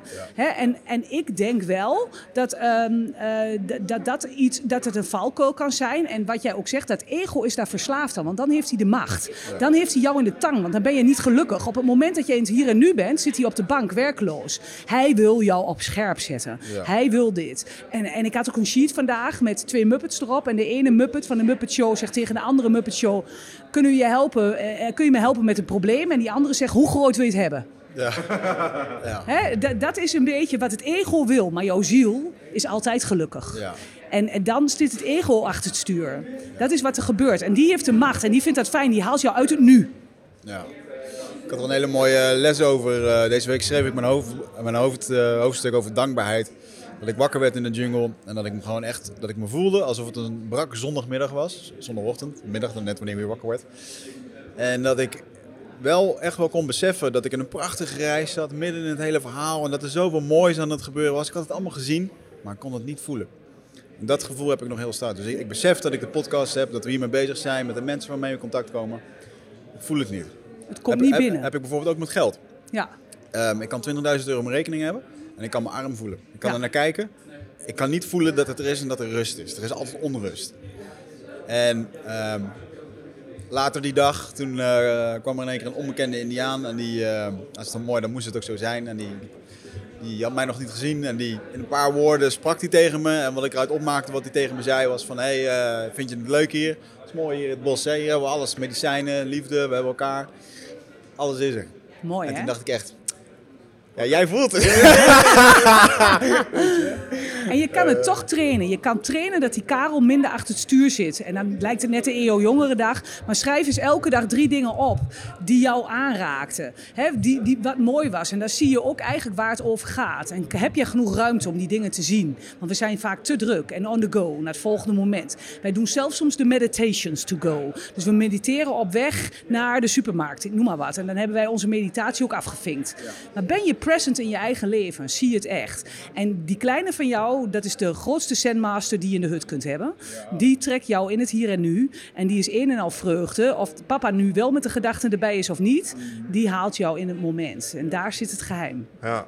Ik, ik heb daar nog een vraag over aan jou namelijk. Want als jij zegt, eh, joh, eh, we hebben leuke da downloadaantallen. Ik zie eh, bepaalde bedragen op mijn rekeningen staan. En ik voel het dan niet. Is het dan omdat je bijna enthousiast durft te worden. En in dit geval Karel dan om de bocht komt zeilen en gif in je oor fluistert? Want dat is wel de krachtigste truc die ik heb ontdekt. Wat, wat ik, die heb ik van jou. Door het Karel te noemen, kun je het eh, geef je het een label, geef je het een naam, maak je er een antagonist van. Eh, de Tolteken noemde het de parasiet. Er is iets dat fluistert gif in je oor. En als je die een naam geeft, ik noemde Michelle. Zo, weet je, mijn inner, mijn inner Ja. bitch. Ja. oh ja, toet hem maar. Middelvinger voor je. Weet je wel, dat. Is, is het dat? Of is het gewoon, de spark gaat niet eens aan? Want ik ken dat wel, hè. Dan zie ik iets en denk ik, sparken. En dan ineens komt de stem, ja, maar je bent nog steeds een loser, hoor. Weet je wel, eh, dat. Is het dat? Het ligt eraan in welke eh, context en modus. Eh, ik noem het, bij mij heet het de strijder van zelfhaat. Hè, die ook de strijder van zelfliefde is. Ja. Net hoe dat je hem voedt. Eh, maar eh, ehm, onlangs ervaar ik, ervoer, ervaarde ik dus echt dat, het, dat, dat er niks was. Geen spark. Ik Ja. keek ernaar. Het werd me verteld, ook door mijn vriendin. Eh, ik kon het zien op mijn computerscherm. Maar te diep geïdentificeerd denk ik met dat, dat het er niet is of, eh, of die pijn. Of, eh, dus ik, ik, dat is wel een hoge prioriteit voor mij om in de komende maanden om dat bandje Ja. eh, opnieuw op te, op te nemen, over te spoelen. En Jan Geurts, jullie kennen hem ook, je hebt hem ook geïnterviewd. Die zegt ook in zo'n proces hè, waarin jij ontwikkelt, hè, wat aandacht vraagt, wees ook mild voor jezelf. Hè. Zeg dan ook, het geeft niks, het mag best, doe maar even. Ik voel het nu nog niet. Ja. Dat mag er zijn, want eh, het verzetten tegen, dat is het grootste lijden. Ja, dat gebeurt, en, ja. en je hebt niet eens door hoe bewust jij al bent. Hè, er zijn genoeg jongens van jouw leeftijd, mannen van jouw leeftijd, die hier nog nooit over nagedacht hebben. Joh. Ja. Dus je bent al zo far ahead. En niet dat je beter bent dan een ander, maar dat bewustzijn zit er al zo. Je, je, je hebt het voor het grijpen, joh. Ja. Ja. Maar, maar daar zit dan wel ook wel weer de... Het worden trouwens de laatste woorden in mijn boek. Eh, dat is dat de heling nooit eind, eindigt. Eh, dat was het antwoord wat ik kreeg toen ik vroeg hoeveel fucking dieet en ayahuasca sessie ik nog moest doen. om een keer normaal, normaal te worden. Dat, dat eh, de heling stopt nooit was het antwoord. Dus ik vind dat wel een hele mooie. En ik denk ook wel dat er af en toe een... er zit ook wel een verslaving aan de zoektocht naar de... En de continu, het, het continu helen en daarin roeren. Dat is ook wel een soort van, oh, eh, we leven nog, weet je wel. Ja, Dus, want ook de verslaving aan spiritualiteit, die bestaat. Ja. Dat is alleen maar, Jan Geurt zegt ook, hè, dat je dan even eh, dat ego verdooft, dat er nog wel veel meer is hierna of Ja. zo. Hè, maar hierna, dat is ook weer van het ego, want dat doe je alsof het een heaven is waar je dan pas gelukkig kunt zijn. Ja. Maar ja, ik zeg altijd, er is geen weg naar geluk, geluk is de weg. Dus eh, geniet, eh, geniet van het onderweg zijn, hè. enjoy the ride. Ja. En geniet ook soms van je verdriet, want wij benoemen iets slechts maar, en we noemen iets goeds, maar we weten niks. Hè. Soms kan iets wat het einde van de wereld betekent, Ja. net zo goed het begin zijn van een fantastisch avontuur. Zo is het leven. Mo- Moet ik toch even vragen, omdat we het de laatste keer over hebben gehad. Hoe kijk jij tegenwoordig eh, eh, te- te- tegen de grote vragen des levens aan? Want ik herken dat ook wel. Zo van, eh, joh, het ego wil heel graag dat er hierna iets is. Ja. Ik heb de laatste tijd had ik een milde existentiële crisis, waarbij het... ik word bijna 40. Ja. En ik zat echt te denken van, hey man, dit kan eh, het begin van de herfst zijn, maar ook het begin van de winter. Maar één ding is duidelijk, ik verwacht niet dat die singularity, waar ik al die tijd op heb gehoopt, gaat komen. Dus ik werd even geconfronteerd met Ja, mijn own ja. mortality, weet je ja, wel? ja, dat dat ik snap van, ik. Jesus Christ, is, moet die Audi kopen. Ja, ja, ja. ja. Ik ben heel even eruit gegaan. Waar hadden we het net precies over? Ja, jij zei van, denk je nog dat er iets is? Nou, Ja, ja, ja. En dan, en dan zit ik te denken over van ja, maar eh, ayahuasca, heeft, ja, ayahuasca heeft me geleerd dat er misschien nog wel andere frequenties zijn waar Ja, dit ja, gebeurt. Maar dan denk ik aan een, eh, eh, een dik swaap die zegt, nee, het is gewoon kleina. Ja, Hoe kijk jij daar tegenwoordig tegenaan? ik denk echt, eh eh Talle zegt zo mooi, het tegenovergestelde van dood, dat is geboorte. We gaan in de vorm als we geboren worden en we gaan er weer uit als we sterven. Maar wij zijn leven. En die energie, die blijft volgens mij altijd. Dat betekent niet dat je denkt dat je nog een aardpakje aan hebt en dat je er even rondzweeft op een wolk of zo. Maar ik heb sterk het gevoel, en daar krijg ik ook veel knipogen van, maar het is misschien maar hoe je kijkt. En misschien is het wel mijn ego die dat heel graag wil, omdat hij scheidensbang is. Maar ik krijg wel dingen soms te ruiken, te voelen, te horen die ik niet kan weten. En dat zijn dan mensen die uit de vorm zijn. Nou, de reden dat ik het aan jou vraag is omdat jij mij ook wel eens een verhaal hebt verteld over hoe bijvoorbeeld mensen in het hiernamaals gewoon nog een Twents accent hebben. eh, en wel in interactie met je kunnen gaan. Wat mij altijd doet denken van ja, maar dan blijft dus toch iets over Ja. of zo. En wat is dat dan wel niet? Ja. Dus dat was toevallig een thema waar ik de laatste tijd weer, Ja. eh, weer aan het roeren was meer in mijn hoofd. Dat, dat is, ik denk dat dat mijn verslaving aan pijn is. Ja, ik ja, kan me lekker ja. druk maken over de dood altijd. Ja, dat ik ook. Vind ik ook verschrikkelijk. lekker. Ja. Ja. Ja, ik, kan, ik heb de laatste tijd echt weer dat ik s'avonds in bed lig dat ik denk... Oh, ik hoop echt dat het geen zeer gaat doen, jongen. Ik kijk er echt niet naar uit. Dat moment dat je weet van, oh, het is klaar nu. Weet je wel, dat lijkt me echt zo afgrijzelijk. Is dat een eh, resultaat van jou, eh, de dood van je moeder? Nou, ik heb dat altijd opa, al. Ja, je ziet daar wel, het stopt gewoon. Als iemand zo direct uit je omgeving gewoon er niet meer is, dat zet je wel aan het denken. Want als opa en oma weggaan, ja, is het toch nog once removed. En dat, dat horen ze te doen, soort van. Word je al soort van op voorbereid. Ja, ben je al eh, Ja. aangewend, het idee. Maar ik, ik herken mezelf heel erg in een eh, Jason Silva, die ik een keer bij een Duncan Trussell hoorde praten. Zeg maar? Het is de dissolution van ik. En ik Ja. ben heel blij met wat ik ben en wat ik voel en wat ik meemaak. En, en, en eh, je, hij zegt, ik ben een soort soldaat tegen entropie. Want Ja. entropie trekt alles, chaos trekt alles uit elkaar uiteindelijk. En dat is een natuurwet en dat is echt fucking doodeng. En, en dat deel ik, zeg maar. Dus dat wat ik ben, ook al zou het in wat voor vorm dan ook overgaan. Ik weet net iets veel over het universum, want het moet, eh, ook dat gaat eraan. Ja, snap je? ja, ik snap en dat het. vind ik eng. ja, Ja, ik ben daarin laatst dan wel heel erg een soort van eh, gerustgesteld. Mijn oma is twee jaar geleden overleden. ja, En die is echt een soort van eh, bewust aanwezig dood gegaan. Dus Ja, gewoon letterlijk zwaar aan het ademen. Met de twee verzorgers erbij. En echt gewoon zo, oké, vanavond kan dit wel echt eventjes nu klaar zijn. Dat die op een gegeven moment gewoon hardop begon te praten. Dat ze er, eh, mijn opa zag, dat ze de broer en de zus, eh, de ouders zag. Dat ze engelen om zich heen zag. Dat ze dat nog bewust aan het zeggen was. Terwijl ik er nu nog een keer veel over als het over heb. Ehm, en dat dat gewoon, ja, die deed gewoon de deur open naar de andere kant van de poort, weet je wel. Ja. Dat, eh, definitely. Ja, er is ook veel, o- ook zelfs wetenschappelijk onderzoek da- nagedaan door bijvoorbeeld Elisabeth Kupler-Ross. Die heeft daar fantastisch een arts.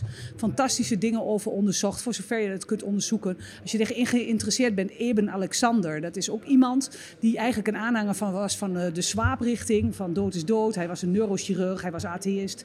En dan Ja. krijgt hij zelf eh, een, eh, een, een, een, een meningitis. Waar, en dan is hij in een wereld waar hij rondgeleid wordt door een vlinder eh, met een gezicht. En dan komt hij bij en dan, dan gaat hij een tekenaar vragen om dat gezicht te tekenen. En dan blijkt dat later, zijn, eh, hij is geadopteerd, dus zijn biologische zuster zijn, die is overleden. En, en, en die hij nooit heeft gekend en nooit heeft gezien. Ja. En één op één dezelfde eh, tekening daarvan. Dus, en hoe het precies zit, weet ik niet. Maar ik, ik, ik heb van John Kabat-Zinn, de grondlegger van mindfulness, ooit de uitspraak gehoord. Dat als jij snapt dat je je ego niet bent, en dat zei Michel net heel mooi, hè, dat ikje, dat ikje, dat, eh, dat niet meer presteert, dat geen eh, eindbaas wil opnemen, want dat gaan we niet meer doen. Ja, maar dat sterft. En als jij snapt dat jij dat niet bent, dus those who die before they die. Dus als je snapt dat jij niet Karel bent, will not die when they die. Die gaan niet dood als ze sterven, want je ziel, dat is de energie, de levensenergie, dat blijft altijd. ja. Ja. Heel, ja, wat non-dualisme van eh, wat, Ja. wat Paul Smit ook zegt. Ja. Misschien dat, er- ja, nou luister, als ik het vanuit een heel spiritueel niveau en wat je in die ayahuasca-ceremonies of in andere psychedelische middelen ziet, ik snap het wel. Ik kan me, ik kan me ergens eh, filosofisch ook iets voorstellen dat ik nu een soort bakje met energie ben. Ja? Maar dat bakje, dat, dat kan wegvallen en dan gaat alle energie weer in alles. En dan is dat, wat er in dat bak zat, is er nog steeds. Ja. I get that. dat die, die kan ik volgen. Maar het feit dat de desolutie van ik, wat ik ook wel eens heb meegemaakt, dat, Ja. dat Michel weg was. Ja? Dat vond ik niet zo'n leuk idee. Nee. Want ik hecht aan Michel, Ja, ik snap zeg maar. wat jij bedoelt. d- Daar dus zijn dat. wij heel erg mee geïdentificeerd. Ja. Wat ik ook leuk vind aan Paul Smit, hè, ik heb heel veel van hem gelezen en ik wilde heel graag een keer naar een lezing van hem. Maar toen bleek dat zijn assistent zei dat doet hij bijna niet meer, alleen nog maar bij bedrijven. En dat gaat in milde vorm niet meer over non-dualiteit, want dat kunnen die managers niet aan. en eh, toen mocht ik spreken op een groot congres voor de brandweer. En wie was ook een spreker daar? Paul Smit. Dus wij gingen samen lunchen. En toen vertelde ik, wat vertel jij over? En toen vertelde ik ook wel dat ik ook een stuk spiritualiteit in heb. Heel veel wetenschap, maar ook een stukje op dat zielsniveau. Toen zeg ik, maar daar ben jij niet zo van. Toen keek hij me aan en zegt, moi, misschien heb ik dat niet zo heel erg onderzocht. Toen zei ik tegen hem, maar ik heb de interviews voor jou ernstig goed geluisterd. En in een van de interviews vertel jij dat jouw moeder is overleden eh, bij een eh, ongeval omdat zij ambulanceverpleegkundige was. En zij is op het verkeerde moment op de verkeerde plek op de autobaan aangereden. En dat kon hij heel hij is heel droevig geweest. Je moet niet denken dat er geen rouwproces is. Maar hij kon het heel goed accepteren. Omdat hij wist dat het niet anders moest gaan dan dat het ging. En toen zei ik tegen hem, maar dat tijdstip waar jouw moeder op overleden is. En die dag en alles. Op dat tijdstip is jaren later jouw zoon geboren. Hoe verklaar je dat? En toen zei hij, nu word je eng. Hij zegt, dat weet ik niet, ik ga weg. Ja. Time Ja. to go, ja. Hij zou ook naar mij blijven kijken, want ik ging daarna een, eh, een speech geven. Maar er, er gebeurde van alles en hij moest daarna ook weer spreken. Dus hij was bang dat hij in, eh, in een file terecht kwam. Maar hoe wist jij dat? Van die moeder? Van die zoon? Ja, dat, kre- dat, kreeg ik, dat kreeg ik niet door. Dat heb ik bij de verwondering ooit een stukje over gehoord. Oké, dit waren feitelijke- dit was feitelijke informatie feitelijk- die je al wist. ook. Ja, oké, oké. En maar wat wel, wat wel heel, wat heel bijzonder was, is dat ik daar aan het spreken was en dat ik het ook daar bij de brandweer had over je vreugde volgen. Ondertussen was er een brand, die brandweermannen rukten uit. En ik vertelde aan de man die alles aan elkaar sprak, aan iedereen, van volg je intuïties wat vaker. Ga eens staan waar je denkt, ik weet niet waarom ik hier sta, maar doe gewoon. Dus ik liet ze door de zaal lopen en diegene die alles aan elkaar sprak, die stond in de zaal naast een meneer die net terugkwam van een brandblussen. En ik vertelde over Pepijn, dat hij zo onvoorstelbaar gek is. Op, eh, vroeger als, was hij al een circusdirecteur. Daarna werd hij een... ehm, eh, een, een hele goede toneelspeler en werd hij gescout voor de vloer op junior. Hè? En, en daar ging hij ook ineens vanaf, hij is nu scheidsrechter. En dat hij zo zijn vreugde volgt, dat het het mooiste is wat hij doet. Maar dat in alles eigenlijk het geheim zit verborgen van een podium, grenzen aangeven, de baas zijn, eh, hè? eh, op die manier. En toen zei die meneer die het aan elkaar sprak aan het eind van de sessie, die zei ik wil toch iets met jullie delen, want ik stond net naast een brandweerman die net terugkwam en we moesten van Mirjam ergens gaan staan. Hè, omdat je eh, een soort van geleid wordt. Hè, dat je een innerlijke wijsheid hebt. En die brandweerman heeft net gisteren haar zoon het scheidsrechtersdiploma gegeven. Dus die had mijn kind. De Oh. brandweerman was in zijn vrije tijd scheidsrechter en had Pepijn eh, eh, het diploma gegeven. En die zei ook echt, het is een aanstormend talent hier in Twente. We krijgen weer een nieuwe Björn Kuiper. Nou leg ik veel te veel druk op Pepijn en dat gaat vast niet lukken. Arme Pepijn, maar, ja. arme Pepijn. Maar het was wel heel grappig dat hij die avond Pepijn het diploma had gegeven. En dat die Laurent, die, die het aan elkaar sprak, naast die man stond. Want er zaten wel 300 mensen in de zaal. Dus echt wel, dat moest je even horen. Dat er meer is. There must be more. En hij zei, dat moet haar kind zijn. Want ik noemde Pepijn en hij zegt, ik heb gisteravond een aantal jongens een diploma gegeven. Een stuk of vijf, maar daar was ook Pepijn bij. Mhm. Dat vond ik wel grappig. Dus er is wel meer. Fascinerend. Dat, dat vergeten we wel snel, hè? want we hebben... Dat is een beetje hetzelfde als wanneer we een eh, ervaring hebben dat je bijna tegen een vrachtwagen aan ligt. Dan ben je Ja. helemaal wakker en denk je, oh, ik moet echt even rustig rijden. En tien minuten later eh, kan je hard rijden. Nee, toch En, nog even aan eh, het sms'en. Ik had dat eh, zondag weer, deed ik weer een ayahuasca ceremonie met de indianen. Dan zit ik daar vijf minuten in en denk ik, ja, dit is weer dat gevoel. Dit is dat gevoel van die stam, weet je wel. Daar zit ik er weer helemaal in. En Heerlijk. Het, het, het is nu alweer een soort van aan het weggaan, het ebben en... eh, eh, Nou, waarom kunnen we dat gevoel niet meenemen hier de wereld in? Dat, dat, en, en de ene, bij mij, mijn favoriete plek. Ik vraag ook altijd aan mensen: wat is je favoriete plek? En zorg dat dat je werkplek wordt. En de een heeft dat achter een microfoon mensen interviewend. En de ander heeft dat op to- podium op toneel. En nog weer iemand heeft dat met een. eh, ik heb een, een vriend die is orthopedisch chirurg. En die houdt ongelooflijk ook. Hij zegt: Ik ben eigenlijk een vereeuwigde timmerman. Die houdt van klussen.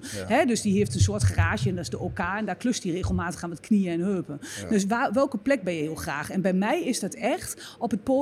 En daar heb ik het gevoel, denk ik, wat jij hebt bij de ayahuasca-stam. Daar, word ik, daar, daar ben ik compleet in het hier en nu. En dan laat ik het over aan alles wat er al is. Ja, ik, ik Ja. deel die mening over de plek op het podium. Vind ik ook een, een heerlijke plek. Ook voor die erkenning. maar, maar ook, om het, eh, ook voor de verbondenheid. Ik, Ja. weet, ik weet, ik zie af en toe gewoon dat ik daar mensen aan elkaar rijg door hetgeen wat ik zeg. Prachtig. Ehm, hè, de- eh, en dat is ook eigenlijk wel bizar dat vroeger kreeg men, toen we nog niet eh, eh, aan schrijven deden, of heel veel, werd men eigenlijk eh, onderwezen in conversaties, in verhalen verbrengen. Omdat dat het enige was wat mensen verbond. Moet je je voorstellen dat iedereen daar gewoon les in krijgt. Hoe kan je iemand boeien in plaats van schichtig door de, door de massa heen bewegen? En, eh, ehm, en ik merk de gehaastheid. Eh, Ja. Te snel willen, eh, dan ga je daaruit en dan ga je op een soort automatische go. piloot. Ja. Terwijl ehm, het beste ben ik eigenlijk als ik gewoon de hele dag thuis ben. Weet dat ik smiddags om vier uur ergens moet spreken. Ik nog even gefloten, gefloten ga spreken. En dan, ja, zo zou het iedere dag moeten zijn. Maar dan krijg ik geen shit gedaan. Ja, ik, ik weet niet of dat voor mij... Voor mij is dat anders. Ik, ik doe trouwens het liefst mijn wapenfeit in de ochtend. Maar wat, ik, eh, wat ik wel leuk vind, en dat, dat doen jullie natuurlijk ook als je spreekt... Wat ik het leukste vind aan eh, wat we dan doen, of het nou een podcast is of wat dan ook... En, jij zei dat ook al even. Op een gegeven moment is er een punt waarbij je jezelf even verliest. Dan ben ik niet meer Michel. Dan ben ik wat het ook maar is wat ik op dat moment... Ja. Want ik zit in mijn stof. Ik merk dan ook, ik ga sneller praten, want ik ben heel erg enthousiast. maar ik geloof 100% wat ik zeg in dat moment. Dat zien mensen. En ik zie, dan zie ik soms in de non-verbale reacties dat ik op knoppen aan het drukken ben. Ja. En, en het drukken op die knoppen, ik kreeg laatst nog weer wat feedback van mensen die bij mij in een training hadden gezeten, die nu een jaar naar Afrika gaan om te doen wat we daar op die knop hebben gedrukt. En denk ik, holy fucking Wow. shit. En daar zitten dan de momenten waar, waar, waar ik de spark wel even voel. En bijna denk van, "Wa- waarom? Ik kan echt niet geloven dat deze mensen naar mij luisteren. En Echt dat dit zo'n effect heeft, zeg Ja. maar. Dan komt weer heel even imposter syndroom op de hoek kijken. Dat trap Ja. ik dan weer onder de tafel. En dan kan ik er eventjes van Ja. genieten. Maar wat ik dan het lekkerst vind, is dat ik... Ik heb zoveel energie gechanneld, maar ik was er niet. Ik, ik was... Ja. Dat, dat wat altijd in de achter, Het aan de achterkant aan het lullen is, ja. zo, het was gewoon weg, Weg. Want ik was bezig met mijn stof. Ik was Ja. mijn ding aan het doen. En dat is echt lekker. Mooi. Ja. Wat ook wel grappig is, want wij weten het, op het podium worden we soms ge- meegenomen en getild en weet je het zo goed. En eh, mijn man, die, eh, Bart, die luistert heel graag naar jullie podcast. En daar komt er gewoon soms één voor. Hè. Dat is dan een aanbeveling, heeft hij van die oortjes in.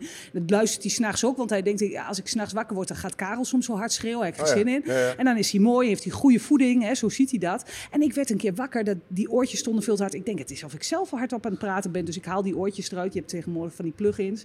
En ik doe ze in en hij haalt mij er per ongeluk op. Hè? En toen luisterde ik nog een stukje naar mij, want meestal luister ik het niet na. Veel te twens en niet knap genoeg en alles. Hè? Die verpakking klopt dan niet. En eh, dan, toen luisterde ik, ik kon ook geen beelden zien gelukkig. Maar ik luisterde een stukje terug. Toen denk ik, jeetje, wat, wat een mooie dingen. Dat zou ik zelf ook eens moeten doen, joh. Ja. Hè? Dus dat, dat, dat wat je dan vertelt, dat het, het lijkt net, ja, dat je dat nog lang niet altijd zelf altijd toepast. Hè? In sommige fases niet. Ik krijg vaak thuis eh, te horen. eh, dan zit ik ergens mee en dan krijg ik te horen. Je bent daar een heel erg mooi boek over aan het schrijven.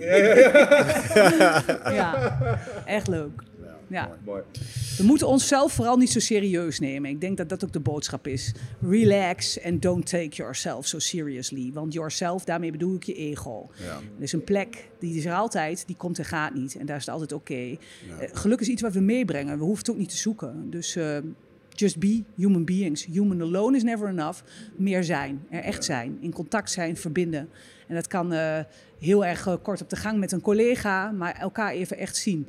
Hè, als ik grote leiders mag trainen, dan zeggen ze ja, maar ik heb geen, geen tijd voor dat geklets bij het koffiezetapparaat. Juist. Ja, en ik zeg ook, en de- je hoeft niet een hele story, maar als jij even echte aandacht geeft. Ik heb zo vaak gehad dat ik mijn kinderen naar bed bracht en dat ik dacht, ik moet op naar het volgende moment, snel, snel, snel. En dan stonden ze drie keer naast het bed.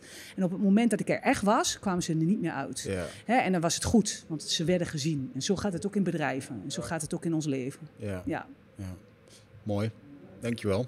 Graag gedaan. Super leuk om jou ook te ontmoeten, want dat had ik nog niet gedaan. Ja. En eh, ja, eh, dat was ook wel brave van Michel om mij eh, ooit te interviewen hè, bij een podcast. Omdat jij nog wel nou ja, de scepticus bent op dit gebied. Dus dat Ja. was hartstikke goed. Dat en ik vond het een super gaaf gesprek toen ook. Heel respectvol. Vond Ja, vond ik ook. Ja, zeg maar gerust nuchtere boerenlul zo af en toe. Dus dit blijven thema's waar ik, waar ik mee worstel. Maar nee, Ja. ik denk dat vooral in dat gesprek, maar ook in dit gesprek, als je elkaar maar open tegemoet treedt, Ja. vind je altijd iets van waarde, denk ik. Dus Ja, we hoeven geen gelijk, we willen gewoon geluk. En dat is al wat we zijn. Ja. Daar, daar gaat mijn boek ook over. Dus eh, wil je gelijk of wil je geluk? ja, ik denk Karel dat wil dat... allebei. En ik, eh, ik zeg van, eh, we zijn liefde en geluk. En gelijk is niet zo belangrijk. Laat gaan, zeggen we in Twente. Nou, ik denk dat echt een heleboel mensen, eh, als ze, ik, ik ken mensen die hebben echt zoveel gelijk dat ze voor nu gelijk hebben, voor de keer erop en de keer daarop ook nog. Hele strippenkaart vol. Ja, en als die mensen gewoon iets eh, meer zouden ontspannen in sommige opzichten, dan denk ik dat ze eh, een aanzienlijk gelukkige leven tegemoet zouden kunnen leiden,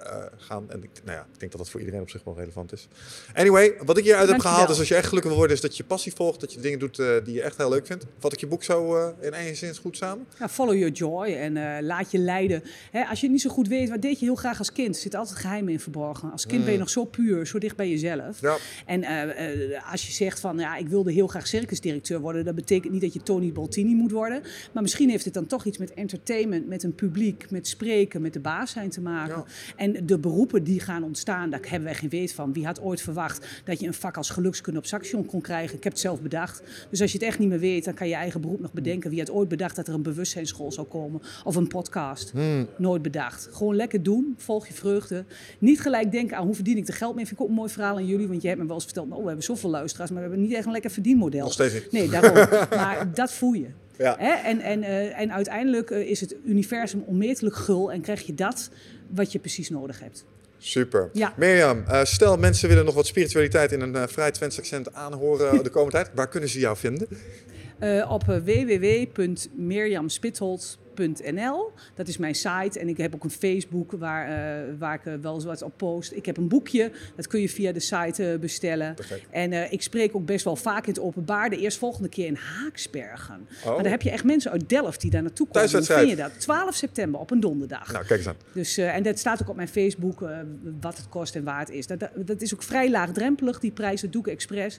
Ik vind dat iedereen, van welke bankrekening je ook hebt, eh, deze stof tot zich moet kunnen nemen. Ja, Oké, top. Dankjewel. Dankjewel. Ehm, Wigmeister, ik denk dat eh, wij daarmee ook aan het einde zijn gekomen van eh, deze podcast. Ja, Het was leuk om eens een keer eh, live op zo'n festival te doen, of niet? live te ouwehoeren hier inderdaad. Ja, ik heb me wel vermaakt. Nu gaan we nog even het festival bekijken dan, denk ik. Ik heb nog muntjes over en ik heb gezien dat de broodjes warme benen Ja, aan zijn. Dus, eh, eten, halen, inderdaad. nee, nee, nee, Ja. doe niet, dat niet, nooit Het niet. volgende evenement eh, is echt een onwijze spirituele ervaring. Want dan gaan we op de Masters of Luxury staan. Ja, ja, ja, ja. Volledig Ja, verzorgd. eh, hè, we worden die dag als miljonairs ondergedompeld. Ja, Dus ehm, waar je gaat staan, echt goed. Ja we vinden het leuk. Ja, het is, Ja. dit is leuk. dat Het gebeurt ook vanzelf een beetje. Dat zijn dus, wel eh, de perks of the job. Dat ja. is wel echt een... eh, Ja, maar je vergeet dat daar nog een, stukje akeligheid tussen zit. Want eh, deze was in november. Dan moeten we eerst nog wat andere dingen doen. ja, ja. Ja, wij, gaan daar, wij mogen bij eh, de jongens van eh Korps Commandotroepen meedoen aan hun selectiedagen. Daar zijn we nu een beetje voor aan het trainen. En dat is in oktober, als we er klaar voor zijn in die tijd. En de, de Luxury-beurs was daarna. Maar misschien is dat ook wel heel mooi eh, om daar dan even te genieten van wat we daar weer gedaan hebben. Dus, eh, Met, eh, drie dagen lang geen liefdevolle aandacht. nee, nee, nee, nee, nee, nee, nee, zeker. Vooral lekker in je lijden zitten, ja. Bij de politie, bij het leger, ze huren me overal in. Vind je het? Ik het leuk, ja, ik vind het wel Oh, passen. leuk. De wereld, eh, heeft, de wereld heeft het echt nodig. Ja. En, eh, en af en toe zijn er dan van die mensen die al op dat zielsniveau kijken en doen. En eh, ik, ik kom echt op hele mooie plekken. Ja, en het zijn allemaal mooie mensen. Mooi. Ja. Ja. Mooi, doet het mooi werk. Alright mensen, ik denk dat dit voor nu. Ja. Luisteraars, eh, Peace dat was er weer eentje. Tot de volgende Dankjewel. keer. Hey, tot de volgende. Ciao.